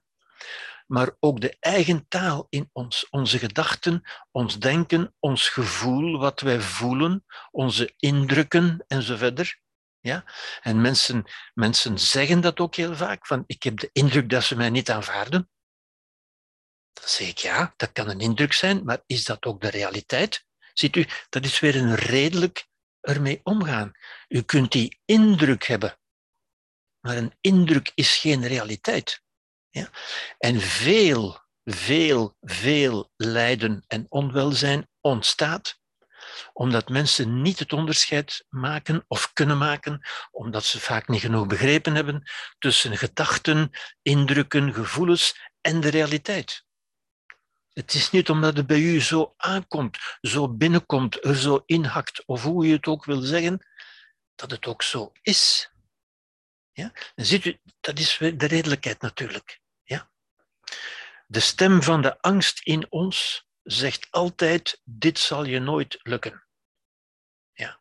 De stem van de angst, die ik hier een beetje meer uitwerk. Hè. Angst is de stem, het denkpatroon van het kind in ons. Dat wil zeggen van het oerbrein, van de intuïtie ook. Ja? Waar we soms moeten naar luisteren, maar toch kritiek, kritisch moeten mee omgaan. Is dat wel zo? Ja? Het is toch niet omdat mijn, het kind in mij, dat we zeggen het denkpatroon, het kinderlijke denkpatroon, dat doet mij denken aan wat mijn moeder of mijn vader mij zei, maar daarom is dat nu toch niet zo. Het onderscheid tussen wat er in mij opkomt, wat mijn oerbrein zegt van dit is een belediging, ja, maar is dat wel zo? Moet ik dat wel? Ja, dat is wat het, het oerbrein zegt heel vaak, je bent zwak, je bent kwetsbaar, je bent overgevoelig. Dat is ons, ons natuurbrein ook uiteindelijk. Ja? In de natuur waar wij inderdaad zwak en kwetsbaar en overgevoelig zijn. Je gaat dat niet aankunnen, het zal je niet lukken. Je gaat falen, je gaat je belachelijk maken. Allemaal die ideeën die bij mensen kunnen opkomen. Ja? Die natuurlijk wel in het verleden kunnen benadrukt zijn of kunnen, kunnen belangrijker geworden kunnen zijn, maar die in het nu werken en in de toekomst. Je zal afgewezen worden, je zult je slecht voelen. Ja? Dat is de angst. Ja? We projecteren iets in de toekomst waarvan we zeggen, ah nee, dat wil ik toch niet. Nee, dat wil ik niet. Ja? Het antwoord van de volwassenen en van de redelijkheid is bijvoorbeeld, als mens kun je niet falen. Je kunt niet falen. Als mens kun je niet falen. Alleen een bepaald gedrag kan falen. Maar dat is een enorm verschil. Het gaat niet over de, als mens. Het gaat over je gedrag. Je gedrag kan falen. Als ik een viool vastneem, dan ga ik falen. Want ik kan niet op een viool spelen. Maar dat zegt niks over mij als mens maar wel over mijn gedrag. Ik heb dat gedrag niet geleerd. Ik heb niet geleerd van een viool te bespelen. Dat is geen falen. Ja, dat is een ontoereikend gedrag. Dat is onwetendheid. Maar dat zegt niets. Ik faal niet als mens. Als mens kunt u niet falen. Dat is iets wat we kinderen ongelooflijk zouden moeten meegeven. Ja? Je kunt niet falen. Er bestaat geen falen. Alleen je gedrag kan falen ik zou dan eigenlijk liever zeggen, je gedrag kan ontoereikend zijn. Ja? Maar gedrag kun je ontwikkelen, gedrag kun je leren. Ja? Ziet u, dat is het antwoord, een antwoord van de volwassenen, van de redelijkheid dus. Redelijkheid is, is het, het, het kenmerk van de volwassenen. Emotie is het kenmerk van het kind. Ja?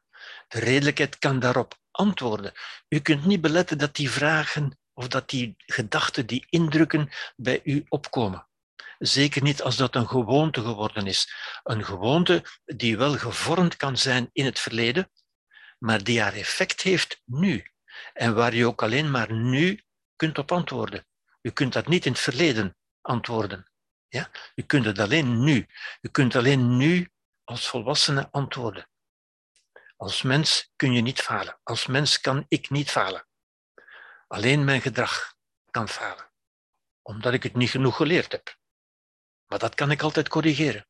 Ja? Zelfvertrouwen, natuurlijk ga ik dat aankunnen. Ja? Aankunnen wil niet zeggen dat je alles kunt, want je hebt niet alle gedrag. Ja? Je gaat niet alles kunnen volbrengen zoals dat, zoals dat zou kunnen, zou ik zeggen. Je kunt niet alles doen, maar dat is geen falen als mens. Je kunt ook dat wat je niet kunt, ook daar kun je als een volwassen mens mee omgaan. Dat wil zeggen, als een mens die kan erkennen dat je niet alles kunt, maar dat je wel wat je nog niet kunt, dat je dat kunt leren als je dat wil. Ja? Want ik ben een volwassen mens, ik heb alles wat nodig is. U hebt alles wat nodig is. Ja?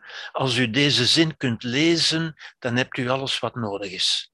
Namelijk een brein dat in staat is. Ja? Ik ben klaar, het leven mag komen. Ik ben er klaar voor.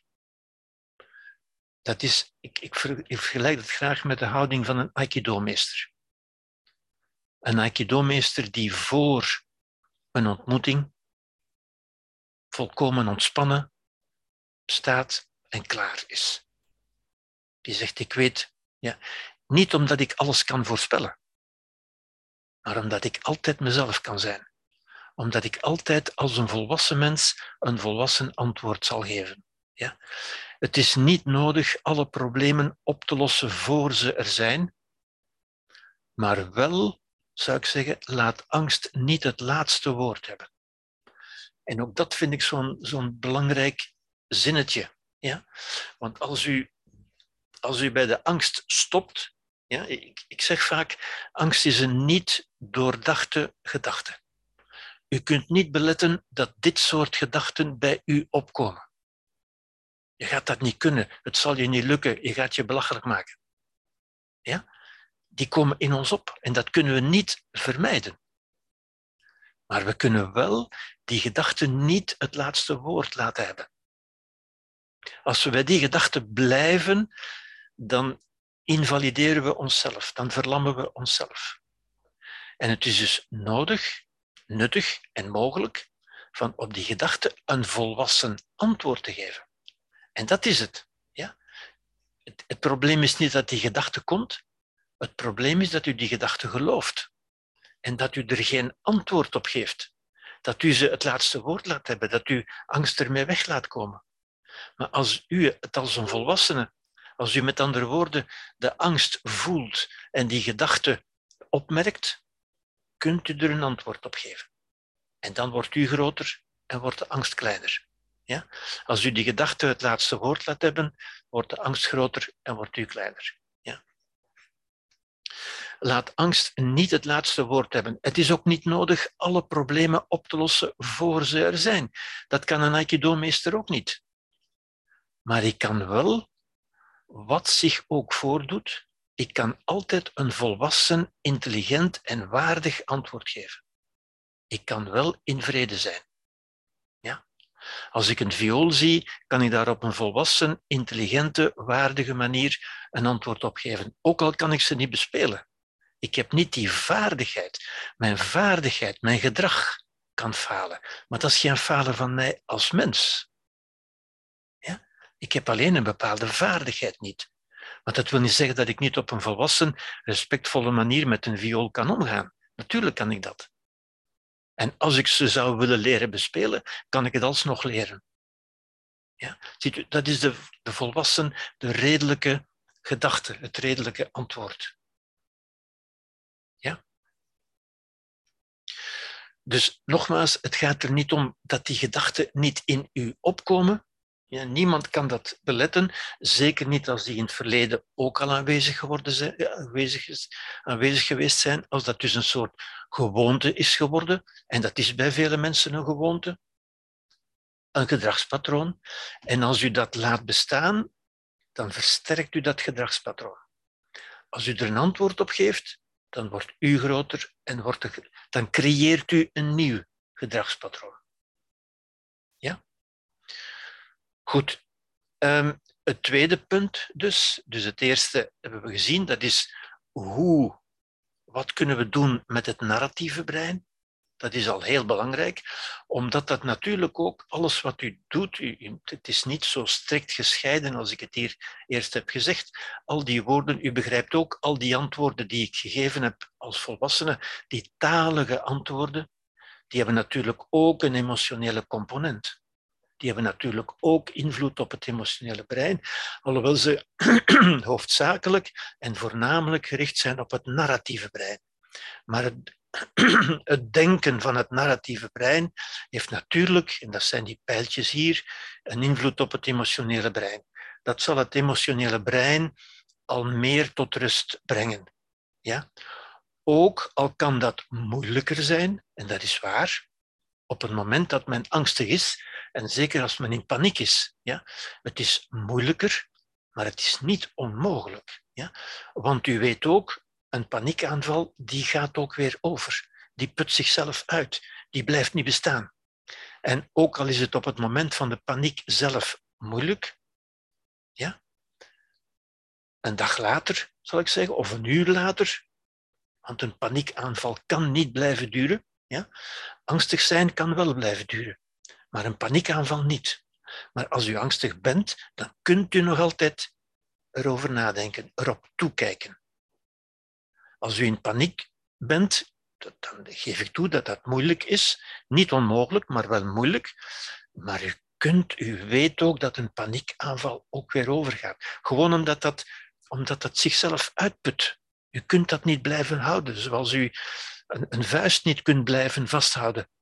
Vroeg of laat, u moet die weer los. U kunt dat niet blijven houden. Ja? En dan kunt u er wel iets aan doen. Maar dus de, de tweede benadering, de somatische benadering. En dan begrijpt u ook, dat is nodig, zou ik zeggen, voor mensen die zeggen, en die moeten dat voor zichzelf ook weten, ja? mensen die zeggen van, ja, maar ik weet dat wel. Dat we zeggen, uw narratieve brein weet dat, maar ik kan het niet. Het emotionele brein weet dat niet. En ze zeggen dan vaak, ja, mijn hoofd weet dat wel, maar mijn lichaam weet dat niet. Maar u weet nu beter, dat is natuurlijk het narratieve brein tegenover. Nu, dan kunt u ook het emotionele brein, dat is een beetje, dat is ook niet echt moeilijk, maar wel een beetje anders. In die zin dat uw emotionele brein, dat is als een dier, zoals ik u gezegd heb, denk ik, ja. Met een dier kunt u niet discussiëren of argumenteren. En dus inderdaad dat weten, ja, als uw hond eh, ergens een stamp heeft gekregen en naar een bepaalde plaats niet meer terug durft te gaan, of uw paard begint te beven als, u, als het in een bepaalde buurt komt, dan kunt u daar niet gaan mee discussiëren of argumenteren, want die verstaat dat gewoon niet. Ja? Dan moet u iets anders doen. Wat moet u dan doen? Wel, langzaam stapje voor stapje betere beelden, betere tekens, betere signalen, betere films eventueel, betere boeken, betere non-verbale taal, betere belevingen, met andere woorden, andere ervaringen. En u geeft, u geeft aan uw emotionele brein andere ervaringen door bijvoorbeeld een stapje meer te zetten dan u normaal durft en te zeggen, tja, dat werkt toch. Ik kan dat toch. Ook al is dat maar één stap. Ook al is het maar één stap in de richting van die lift of in de richting van dat vliegtuig. Ja? En u, u, mensen voelen dat zo. Hè? Van hoe mensen, men doet dat ook zo. Therapeuten doen dat ook zo. Maar u kunt dat ook zelf. U kunt dat zeer goed zelf. Ja? En u voelt dat ook. Hè? Naarmate u dichterbij komt bij die lift of bij dat vliegtuig, stijgt uw spanning. Uw emotionele spanning, uw angst.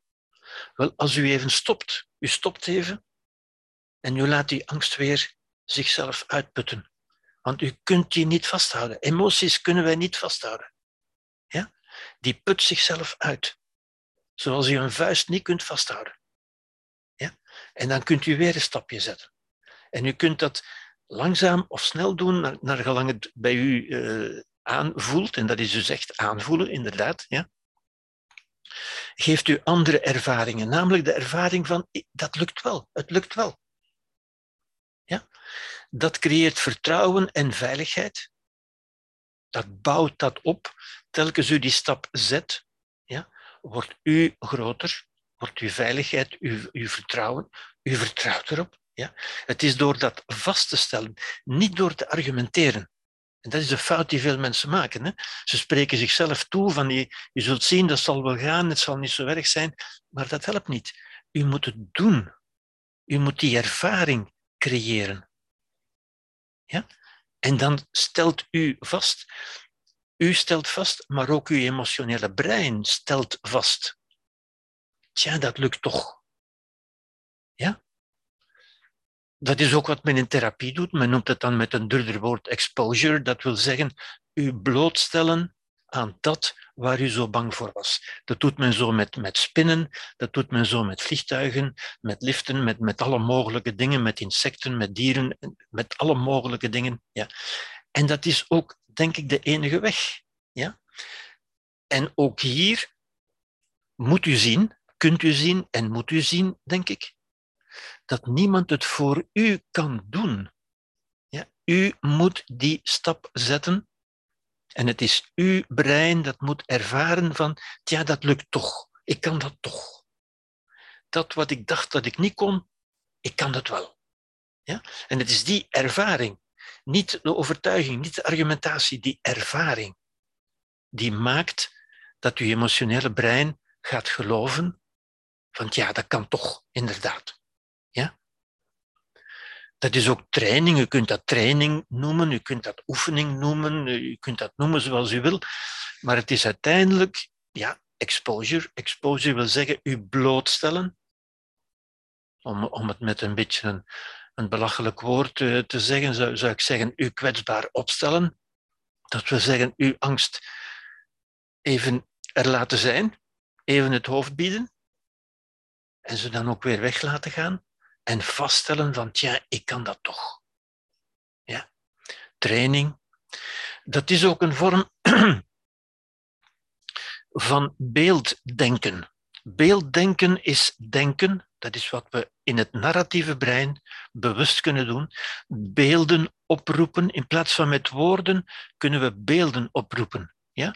Maar u begrijpt, elk woord is in feite een beetje een beeld, maar er zijn natuurlijk woorden die, die meer direct beelden oproepen. Ja? Als ik zeg Eiffeltoren, dan ontstaat het beeld van de Eiffeltoren in uw brein. Maar als ik zeg ontspanning, dan kunt u daar bewust een beeld van ontspanning bij vormen. En ik doe dat ook vaak zo met mensen. Ja? Creëer voor jezelf of ga je nu herinnering naar een beeld waarin u zich ontspannen voelde. Dat zal heel vaak een vakantie zijn of een, een wandeling in het bos of een, of een wandeling op het strand of, of een beeld. Zie, ook dat is geen, is geen woord, het is niet argumenteren, het is beelden. En die beelden worden ook doorgegeven aan het emotionele brein en op die manier creëert u ook. Als u zegt, ik ben in vrede, dan creëert u vrede in uw brein, maar als u daarbij een beeld vormt van wat voor u vrede is, en dat kan een vredig, ontspannen beeld zijn in de natuur, heel vaak is dat de natuur natuurlijk, maar dat kan ook, dat kan ook ergens anders zijn, een beeld, dat kan ook een persoon zijn, ja? Of iets of iemand dat voor u dat vrede symboliseert. Rust, vertrouwen, veiligheid. En dat is wat men beelddenken noemt. Denken in beelden. Ja? Beelden die natuurlijk opgeroepen worden met woorden. Maar die woorden dienen dan alleen maar om die beelden op te roepen. Ja? En die beelden hebben een invloed, zoals ik in de eerste lezing heb gezegd, op het emotionele brein. Het emotionele brein wordt rustig als u rustgevende beelden bedenkt. En dat kunt u nu hier doen. Ja? Op deze plaats waar u nu bent.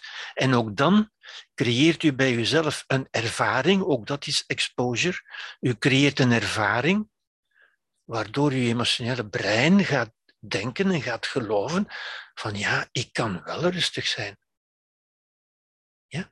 En dat is wat ik noem een brug naar het onbewuste, een brug naar het emotionele brein. Dat beelddenken. Ja? Dus er is een duidelijk onderscheid. Het gaat, het gaat weliswaar ook met woorden en verhalen, maar die woorden en verhalen dienen in dit geval alleen maar om beelden op te roepen die naar uw emotionele brein gaan.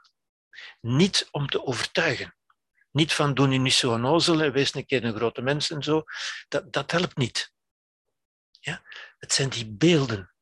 Ja? Dat beelddenken als brug naar het onbewuste. Het is bewust een beeld oproepen dat tot het onbewuste brein spreekt. Spreken, bij wijze van spreken natuurlijk. Op een non-verbale manier, op een beeldmanier. Ja. Wat je kunt inbeelden, kun je ook realiseren. En ik noem dat soms uitbeelden. Wat je kunt inbeelden, wat u zich kunt voorstellen, dat kunt u ook uitbeelden, ook realiseren. Als u zich kunt voorstellen dat u in vrede bent, in een bos of op een strand of op een vakantie of in, of in Parijs of in Rome, dan kunt u dat ook doen. Ja? Dat is een beetje de, de, de, de coaching slogan van you, you fake it until you make it. Ja? Je beeldt je in dat je het doet, tot je het doet. You fake it until you make it, until you are it. Tot het is wat je bent uiteindelijk. Ook dat wordt een gewoonte. En dat is de kracht van wat ik daar straks heb gezegd. Ja? Alles wat u doet, ofwel bevestigt u een patroon, als u terugdeinst voor de angst, dan bevestigt u het angstpatroon, de angstlogica. Als u de angst voelt en het toch doet, dan bevestigt u uw redelijke, uw volwassen logica, uw ja-logica. Ja, ik kan dat wel. De angstlogica is van nee, ik kan dat niet.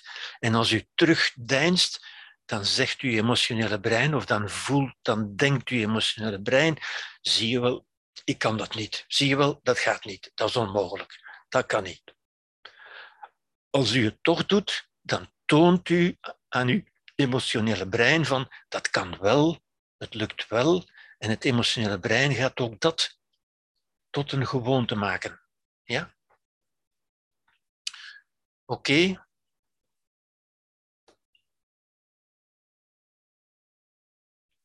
Goed. De waarneming is ook hier, dat is wat mensen vaak zeggen, hè, ik weet dit wel, maar mijn lichaam wil niet. Ik, ik, hoop dat u dat nu beter begrijpt, wat daarmee bedoeld wordt natuurlijk. Hè. Fobieën voor liften, vliegtuigen, dieren. Wat is een fobie? Uiteindelijk illustreert dat, dat is ook een illustratie van de kracht van beelden.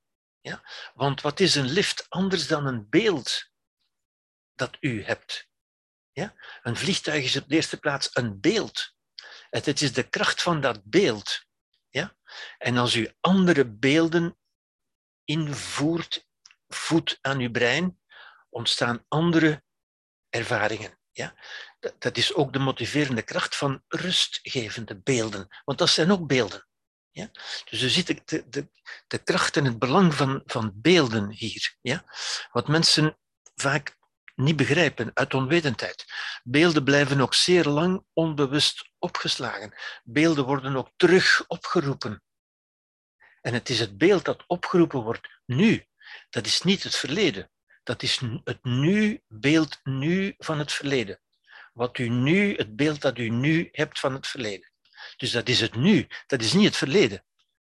Ja? Ook mensen verwarren dat. Ze denken, ja, maar dat, het verleden is nog in mij. Nee, er is nu uw beeld van het verleden. En dat kan opgeroepen worden door omstandigheden die erop lijken, of mensen die erop lijken, of een, of een stem die erop lijkt. En dat beeld komt weer in je op. Dat, dat kennen we allemaal, dat ken ik ook. Ja? En daarop reageert uw emotionele brein. Plaatsen, gebeurtenissen, gezichten, geuren ook natuurlijk. Ja? Gezichten van mensen, soms na één ontmoeting. Ja? Herinnert u zich, is dat beeld in u opgeslagen? Beelden. Ja? Dat wordt natuurlijk ook gebruikt in de, in de marketing, in de, in de reclame-industrie van cosmetica, van drank, van voeding, van sigaretten, van farmaceutische producten, van vakantiebestemming, van luxe producten enzovoort. De, de kracht van beelden, omdat dat tot onze emoties spreekt, tot ons emotionele brein. Ja? En zonder verder nadenken wordt ons emotionele brein en dus ook ons gedrag daardoor in werking gesteld. Ja, dat, is, dat is duidelijk aangetoond door.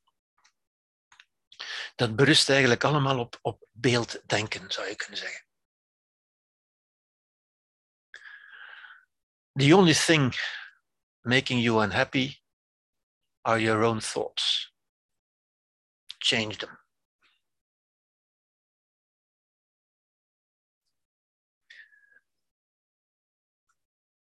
En dit is een boek waarin dat.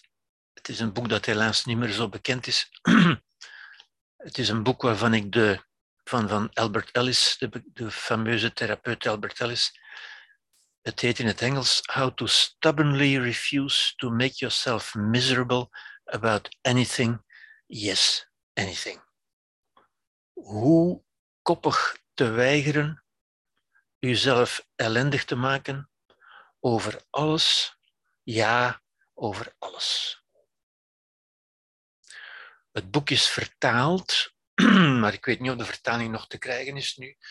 Het is vertaald als eh, een beetje een minder inspirerende titel, vind ik, als Moeten maakt gek. De auteur blijft natuurlijk Albert Ellis, het is vertaald door mijn naamgenoot, maar het wordt anders geschreven, Wouter Baks. Dit is een, ook een zeer nuttig boek, natuurlijk, ja, van um, Byron Katie, Loving What Is. Vier vragen die uw leven kunnen veranderen. Ja, vier vragen. Ja. Een ongelooflijk praktisch, handig boek, zou ik zeggen. Ja. Ook voor zelf. Ik wou bijna zeggen zelftherapie, maar ik zou zeggen zelf. Zelfemancipatie is een veel beter woord, hè, want het is geen therapie, er is geen ziekte, er is geen genezing, er is geen heling, er zijn geen wonden en geen kwetsuren. Het is jezelf meer volwassen maken, emanciperen. Ja. En dat is natuurlijk mijn eigen boek het laatste wat ik geschreven heb, meer specifiek over angst. Maar eigenlijk is ook in dit boek, ik heb, ik heb ook in deze lezingen angst eigenlijk gebruikt om iets meer te zeggen over de mens. U ziet de mens hier staan, ja, met zijn golven van gedachten en van emoties die er doorheen gaan. Ja. En ik heb ook in dit boek uh, angst eigenlijk gebruikt als, als ingangspoort, als aanvliegroute, zou ik zeggen, om het over de mens te hebben, natuurlijk. Ja, zoals in al mijn andere boeken uiteindelijk ook. Voilà, hiermee zou ik het, deze lezing willen afsluiten en sta ik open voor verdere vragen.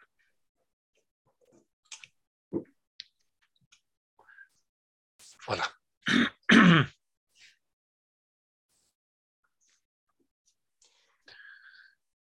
Zijn er nog vragen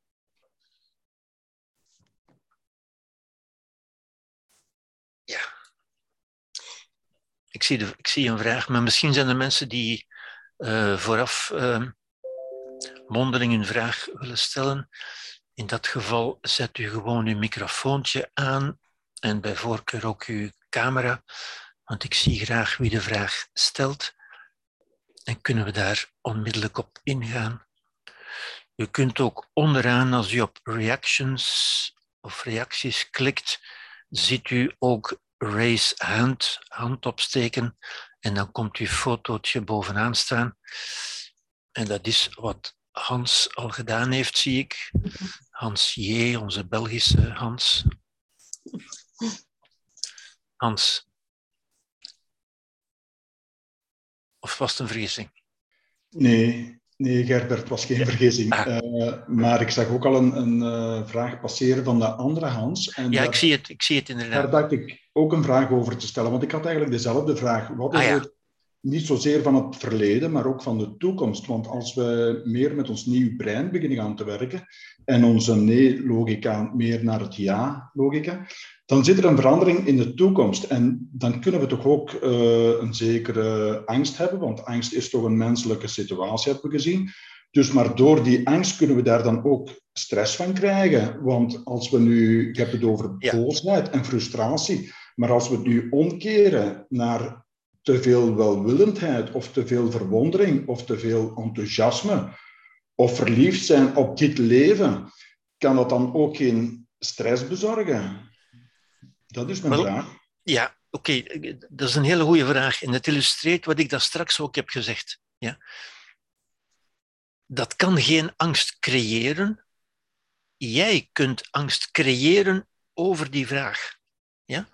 Maar je kunt ook op die vraag de, vraag op zichzelf is heel goed en is bijna onvermijdelijk, zou ik zeggen. Als we aan de toekomst denken, dan is er veel, dat is gewoon een feit, is er veel onzekerheid, onveiligheid, mogelijke dingen die we niet gaan krijgen of die we wel gaan krijgen, die we niet gewenst hebben enzovoort. Maar we kunnen daar op een redelijke manier over denken. Want dat is inderdaad zo, dat is waar. Het is waar dat de toekomst onbekend is. Ja? En angst is niet, of, of omgaan met angst betekent niet de toekomst volkomen veiligstellen en, en verzekeren en alles vooraf oplossen. Dat heb ik ook gezegd. Je moet niet alle vragen, alle problemen vooraf oplossen, maar wel er op een redelijke manier mee omgaan en daar dus ook ja tegen zeggen. Dat aanvaarden, met andere woorden.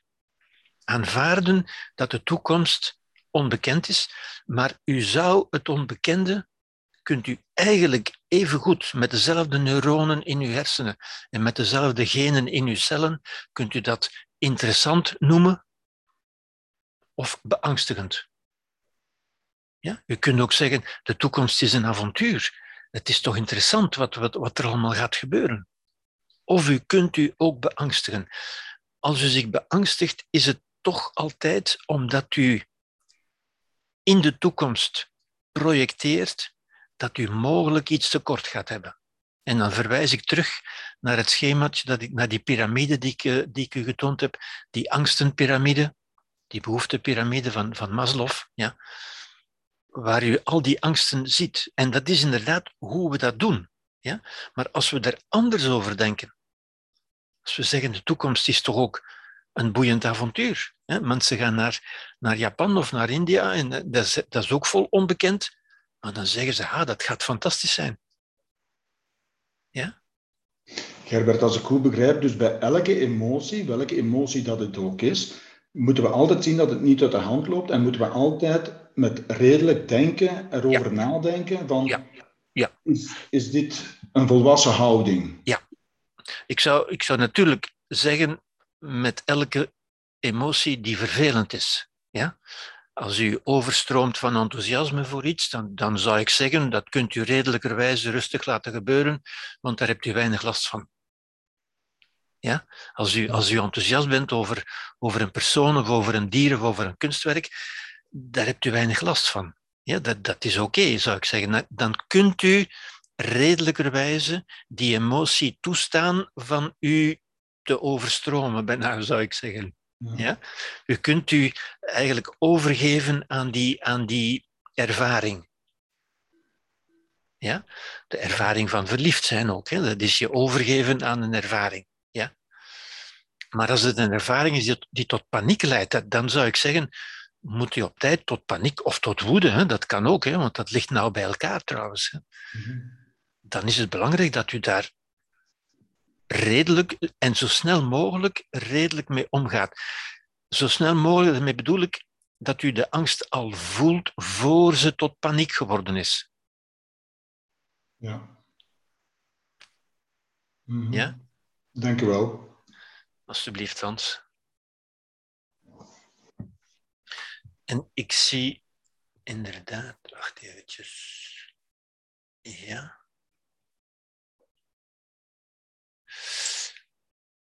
Misschien kan je de vraag van de andere Hans dan nu benaderen. Ja, ik ben ze aan het lezen hier. Dus hij, ja, dus hij noemt het een gedachtenworsteling. Op zich ook al een interessant woord natuurlijk. Ja.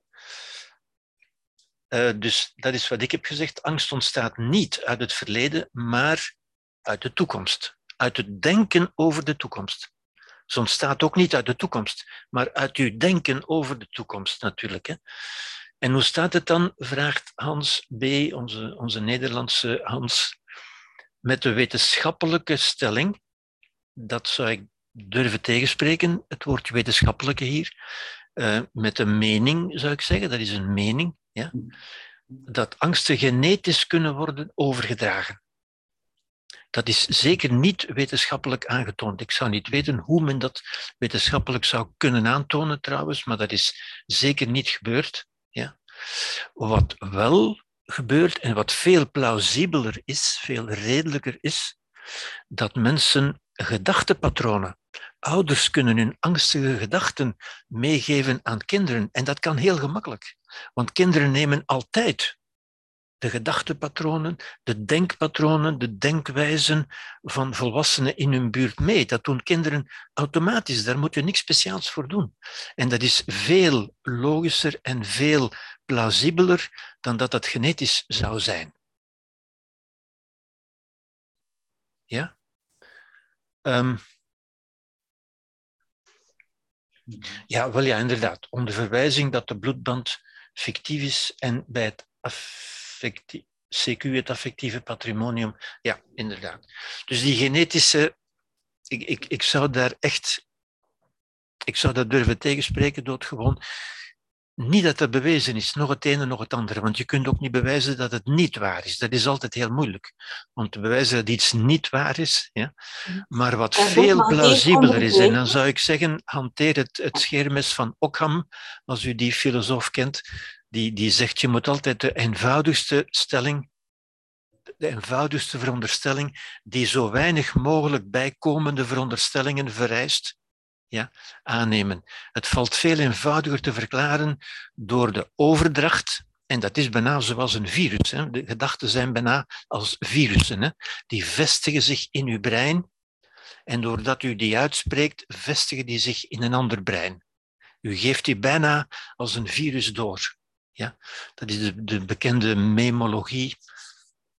Men geeft die memen door. Memen is het, vergelijken met genen, maar genen zijn brokjes genetisch materiaal die door een echt virus overgebracht worden. Memen zijn brokjes denkmateriaal die als een virus van brein naar brein overspringen. Ja? Zoals een liedje dat u gehoord hebt en dat zich in uw brein vestigt en dat u niet meer kwijtraakt.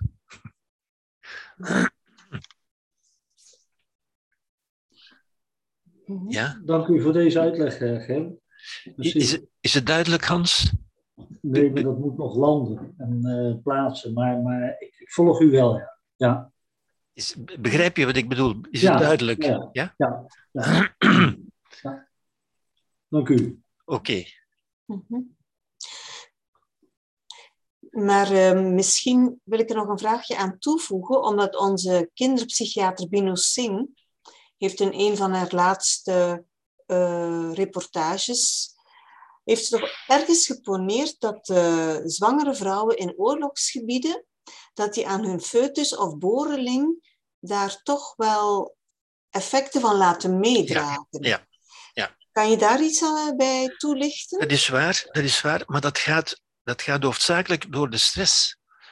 Vrouwen die in stress zijn, die tijdens de zwangerschap in stress zijn, en dat is duidelijk, en die stress kun je ook bepalen, net zoals koorts. Je kunt dat objectief bepalen.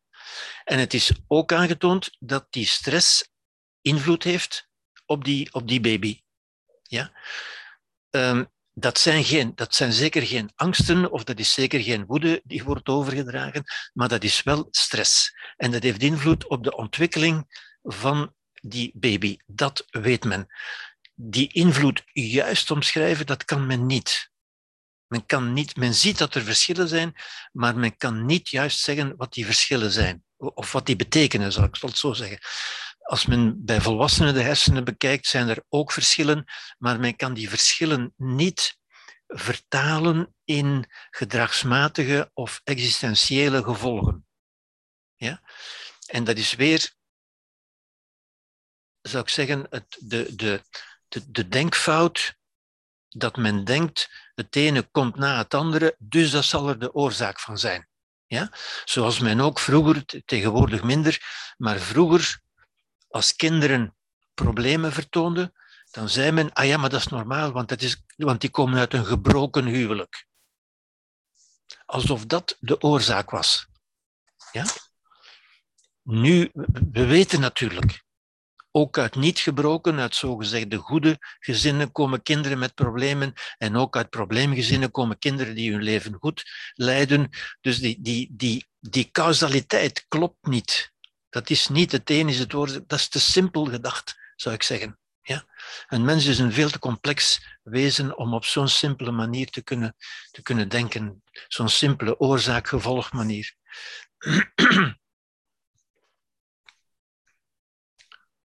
Dan heeft Marie-Roos nog een vraag voor jou. Ja. ja, ah ja. Ik weet niet, Marie-Roos, of je ze zelf even wilt stellen.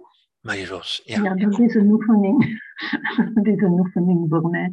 Uh, het is namelijk zo, ja, ik heb het moeilijk als ik in, op Zoom bijvoorbeeld uh, moet spreken in een groep die ik niet ja, ken. Ja, dat begrijp ik. dan begrijp probeer ik dat en dan geeft mij dat wel angst, maar aansluitend daarbij enorm veel stress die ik niet voorzien heb. Ja. En dat geeft mij dan bijvoorbeeld enorm hoofdpijn. En die blijft dan aanhouden. Ja. En ja, is het dan voldoende van te denken, ja, ik ben rustig, ik ben vrede, of ik moet het hier veel, tra veel trager beginnen spreken. Uh, ja. Is dat voldoende om die stress weg te krijgen? Want ik heb daar echt wel veel last van. Ja. Om te beginnen zou ik zeggen, uh, je, je zegt die angst geeft mij dan stress. Ik zou zeggen, de angst is stress. Ja, als ik voorbij de angst ga. Ik weet dat ik, dat ik stress heb. Ik weet dat ik bijvoorbeeld als ik moet spreken in het openbaar, ja, ik ja. doe dat eigenlijk niet goed aan. Omdat daar allerlei onderliggende dingen uh, zitten, zoals u uitgelegd hebt bij die piramide. Ja, ja, ja. Ja, ja, inderdaad. Ik begrijp dat heel goed. En dat, dat kunnen we ook heel goed biologisch verklaren, hè? Die, die, die angst. Want in de natuur, als je in de natuur door vele ogen bekeken wordt, zijn dat meestal roofdieren. Die in jou een lekkere hap zien. En dus is het normaal, dat zit dus ook in ons, dat is ons biologisch erfgoed, ja, dat als we door veel mensen bekeken worden, dan, dan voelt dat, dat is ons oerbrein, die, dat, dat denkt, opgepakt is, is gevaarlijk.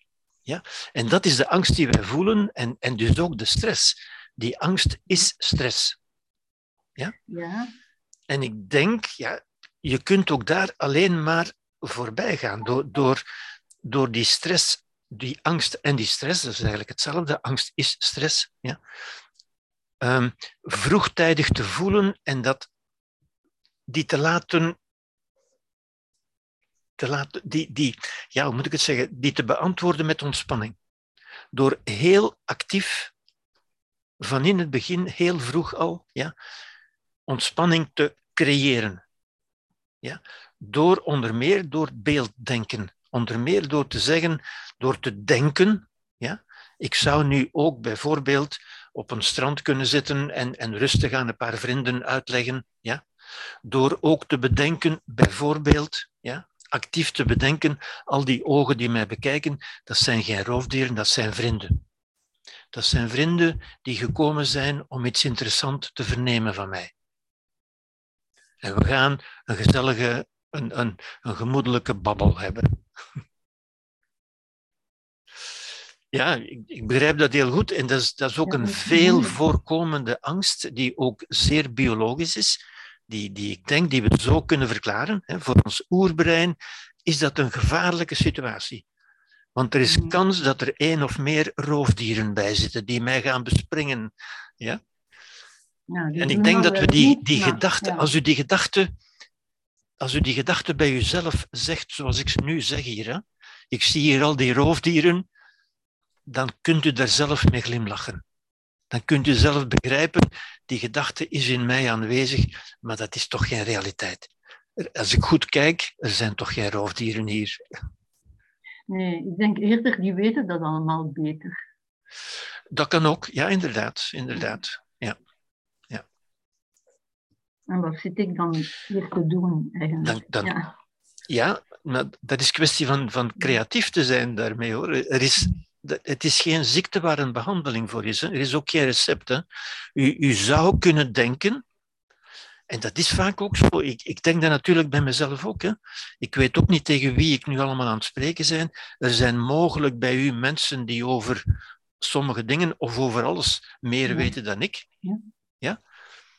Maar goed, ik weet ook van mezelf dat zelfs als ik iets al weet, Ik heb, ik heb gisteren nog zo'n lezing gehoord waarvan ik eigenlijk alles al wist, maar de manier waarop het werd uitgelegd, vond ik toch weer verrijkend. En dan denk ik ook, zelfs als ik nu dingen zeg die veel mensen al weten, en dat zal zo zijn, want dat kan niet anders. Want ik heb het over het leven en over heel gewone dingen. Ja? Maar toch het feit van daarover te spreken, op, op mijn manier dan, dat is wat ik aanbreng, dat is mijn stijl, mijn manier, zal dat toch voor een aantal mensen mogelijk een beetje duidelijker worden. Of een beetje bewuster worden. Ja. En ziet u, dat is weer een andere gedachte die je daar kunt tegenoverstellen. Die gedachte komt op van, ja, maar misschien weten al die mensen er meer van dan ik. Ja. Ja? Als u daarbij blijft, dan blijft u bij de angst. U moet op die gedachte, u moet om te beginnen die gedachte aanvaarden. Dat zou kunnen, dat is mogelijk. Maar hoe kan je daar een volwassen antwoord op geven? Wel, we gaan daar toch op een manier over spreken. En misschien, waarschijnlijk, heb ik toch wel een paar dingetjes die ze nog niet op die manier bekeken hadden. Ja, ja dat, dat, dat helpt, denk ik. Bijvoorbeeld, hè? Bijvoorbeeld. Ja, dat kan helpen. Maar de spanning die je voelt in je lichaam, kan je daar iets aan doen? Absoluut. U kunt die spanning, en daarom vergelijk ik dat ook zo vaak met een vuist. Ja? Uw vuist is alleen maar een spanning. Ik heb dat ook in mijn boek ergens beschreven, hoe ik dat zelf ooit heel actief heb gedaan. Hoe ik angstig was in een bepaalde situatie. Staat in mijn eerste boek. Ja? En hoe ik dat heel bewust, hoe kunt u die vuist laten verdwijnen? Wel door heel bewust, vinger per vinger, te ontspannen. Door te zeggen, en dat is bewust worden van uw lichaam. Ja? En door te denken aan uw schouders en door, ja, zoals men dat in de mindfulness doet, zo een beetje een soort bodyscan, zoals dat daar dan heet, hè, door, door te denken, en ik doe dat ook vaak, hè, want die spanning ontstaat op een onbewuste manier. Ik, ik denk ook vaak van mezelf, als ik bezig ben, zelfs nu eigenlijk, hè, denk ik van ja, in mijn schouders zit toch spanning die ik eigenlijk niet nodig heb. Ik kan die toch laten ontspannen.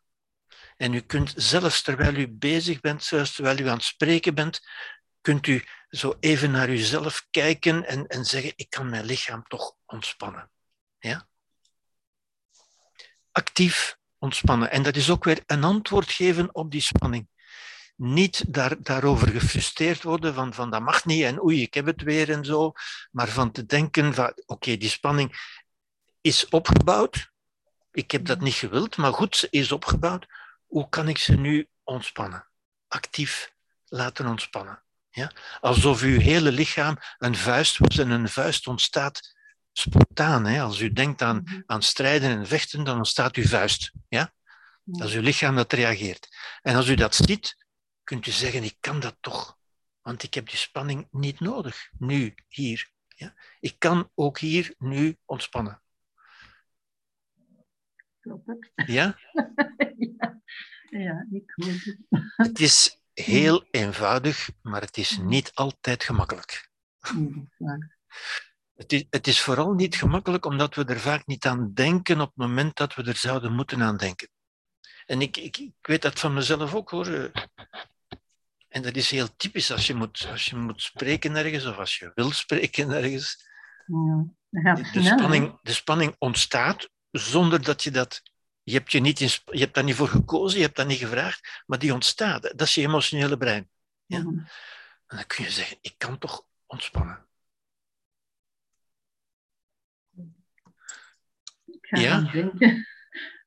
Ja, ik ga gaan denken, dankjewel. Het, is, het is zo, hè. En, ja.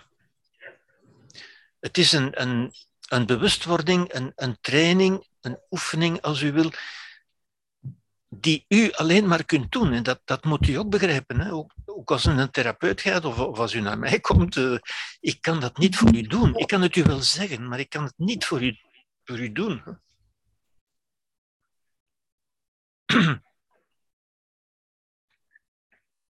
De volgende vraag ligt Dank u wel. De volgende klaar, vraag wil uh, Saskia stellen, denk ik. Ja, Saskia. Ja, eigenlijk, het is niet, niet het is een, gewoon een aanvulling. Inderdaad, uh, gisteren had ik nog een groep mensen die daar, we hadden het er ook over.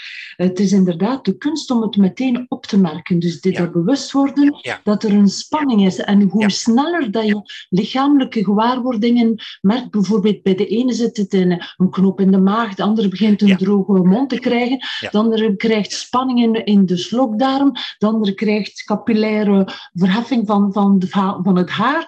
Uh, andere mensen uh, ja, uh, ja, krijgen, kunnen, kunnen niet meer praten omdat er geen speeksel meer in de mond is. Dus dat opmerken, bewust voor een opmerking, dan ten tweede aanvaarden, dat, is, dat hebben we in mindfulness ook. Hè? Het, het verwelkomen, welwillend welkomen van wat er is. En dan nuanceren, en, bewust nuanceren, en dan zie je dat dat dat dat heel mogelijk is. En dat geeft dan weer een soort vertrouwen, waardoor dat je zegt, kijk, ik, eh, voortaan ga ik dat sneller kunnen opmerken. En dan kan je dat bijna automatisch... Uh, ik heb gisteren ook een hele dag opleiding gegeven en tegelijkertijd uh, met een seconde, terwijl je... Ja, mijn schouders heb ik nu, waarom, uh, waarom hoe hou ik die nu? En, en ik corrigeer dat dan zodanig, op, de dag, op het einde van de dag heb je geen spierspanningen of zoals ze in, in Frankrijk hier zeggen, des nœuds, van die knobbels in de spieren van de tendinitis en zo.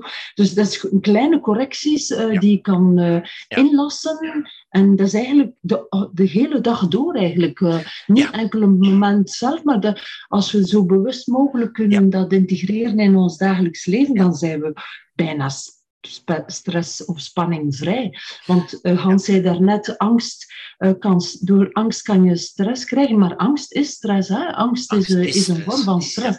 Ja. Dus eigenlijk kan dat zich heel gemakkelijk in ons dagelijkse leven ja. infiltreren. Wij doen dat, hè? wij genereren dat zelf. En het is ja. dus ook op die manier, door het zelf te merken, dat we dat terug kunnen nuanceren en eigenlijk helemaal doen verdwijnen. Het was eventjes dat ik wilde beamen, inderdaad. Bedankt. Ja, ja inderdaad, inderdaad. Ja, dat is heel, heel... Ik kan het ook alleen maar beamen, maar het is wat je heel juist zegt, het, het is om voortdurend er bewust van worden eigenlijk. Hè. En dat kun je doen terwijl je iets bezig bent, terwijl je aan het spreken bent, kun je opmerken van inderdaad, hè, bij mij is dat vaak in mijn schouders bijvoorbeeld, en dan, dan denk ik, ik kan die toch ontspannen. Ja, ja, ja inderdaad. Ja. ja of in, in gesprek met iemand zonder dat andere mensen dat opmerken zelfs. Hè. Niemand ziet dat, ja. ja niemand hoeft dat te zien. Niemand... Ik vroeg het trouwens aan het publiek, hebt u, hebt u dat gemerkt? En niemand heeft het gemerkt. Dus uh, inderdaad, inderdaad. je kunt dat onzichtbaar ja. doen. Of een correctie van uw bekken of van uw rug. Of dat je te veel lang naar voren gebogen uh, geweest bent en dat je dat corrigeert. Ja. Absoluut. Maar dat kun je bijvoorbeeld ook, en, en dat is toch het interessante, denk ik, hè, terwijl je naar een lift gaat, bijvoorbeeld, of terwijl je naar een vliegtuig gaat. Ja? Maar als je hoofd vol zit met van, oei, ik ga het weer krijgen en je ziet dat die lift gaat mij weer bang maken en ik ga weer, ik ga weer in paniek geraken, dan bent u jezelf al in paniek aan het werken eigenlijk. Hè? Maar als je zegt, ik ga nu heel rustig, en bij elke stap, hè, zoals het eigenlijk zegt, hè, elke stap is vrede, zegt hij ergens. Hè. Ja, bij elke stap kun je zeggen, ik ben in vrede, ik ben in vrede. Ook als je naar die lift gaat, ook als je naar dat vliegtuig gaat, waarvan je denkt dat je dat niet kunt, maar je kunt het wel. Hè, als je dat heel bewust... Ja, dat is, dat is Thich natuurlijk, hè, dat is mindfulness. Hè, ja. Hij zegt trouwens ook, I breathe in en I breathe out. Ja. Die telefoonmeditatie, ik weet niet of dat jullie dat kennen, die, die is fantastisch. Hè? Ja. Ja, de wijze waarop hij zegt, ik neem niet direct de telefoon op, ik neem eerst een adem. En ik ben fully aware van deze adem en dan adem ik uit. En als ze in Plum Village niet direct antwoorden, dat is dat omdat ze dat ook aan het doen zijn. En dat ze daar dus ook aan, eerst aan het inademen zijn en dan uitademen. En uh, dat was nogal lachwekkend, maar in feite... Uh, uh, zijn ze daar ook aan doen wat, wat ja. ik u uh, aanraad eigenlijk. Ja, maar dat kan je ook, als je naar de lift stapt, ook zeggen, ik adem in en ik adem uit. Je verplaatst je aandacht ook naar minder uh, gestresserende gedachten of gedachten die naar stress kunnen leiden. Ja. Ik zeg tegen mensen vaak, je kunt, mm. bij elke uitademing kun je ook een stukje stress mee uitademen. En je kunt dat ook inderdaad op het ritme van je in- en uitademing. Hè? Als je bij elke uitademing een stukje stress loslaten. Ja? En dat loslaten is ook zo'n moeilijk woord natuurlijk. Hè? Je kunt beter zeggen, denk ik, gewoon mee uitademen. Je ademt het mee uit. Gerbert en, Saskia. dat zijn de woorden. Als je die woorden uitspreekt, dan doe je het ook. Hè. Als je zegt, ik adem dat uit, dan doe je het ook. Ja. Het is, het is zo eenvoudig en toch niet gemakkelijk. Hè? Gerbert, want jij en Saskia en net de vraag nog van Marie-Roos gingen helemaal over onze drie volgende lezingen. Mindfulness, boeddhisme en levenskunst. Dus jullie zijn al een hele mooie voorbereiding aan het geven op een mooi antwoord of misschien een passend antwoord om sereen en in kalmte met een peace of mind met de dingen van het leven om te gaan. Wil ik maar heel even zeggen, omdat jullie nu daarnet uh, deze items aanbrachten. Dankjewel daarvoor trouwens. Mhm. Zijn er nog uh, vragen of bedenkingen, opmerkingen?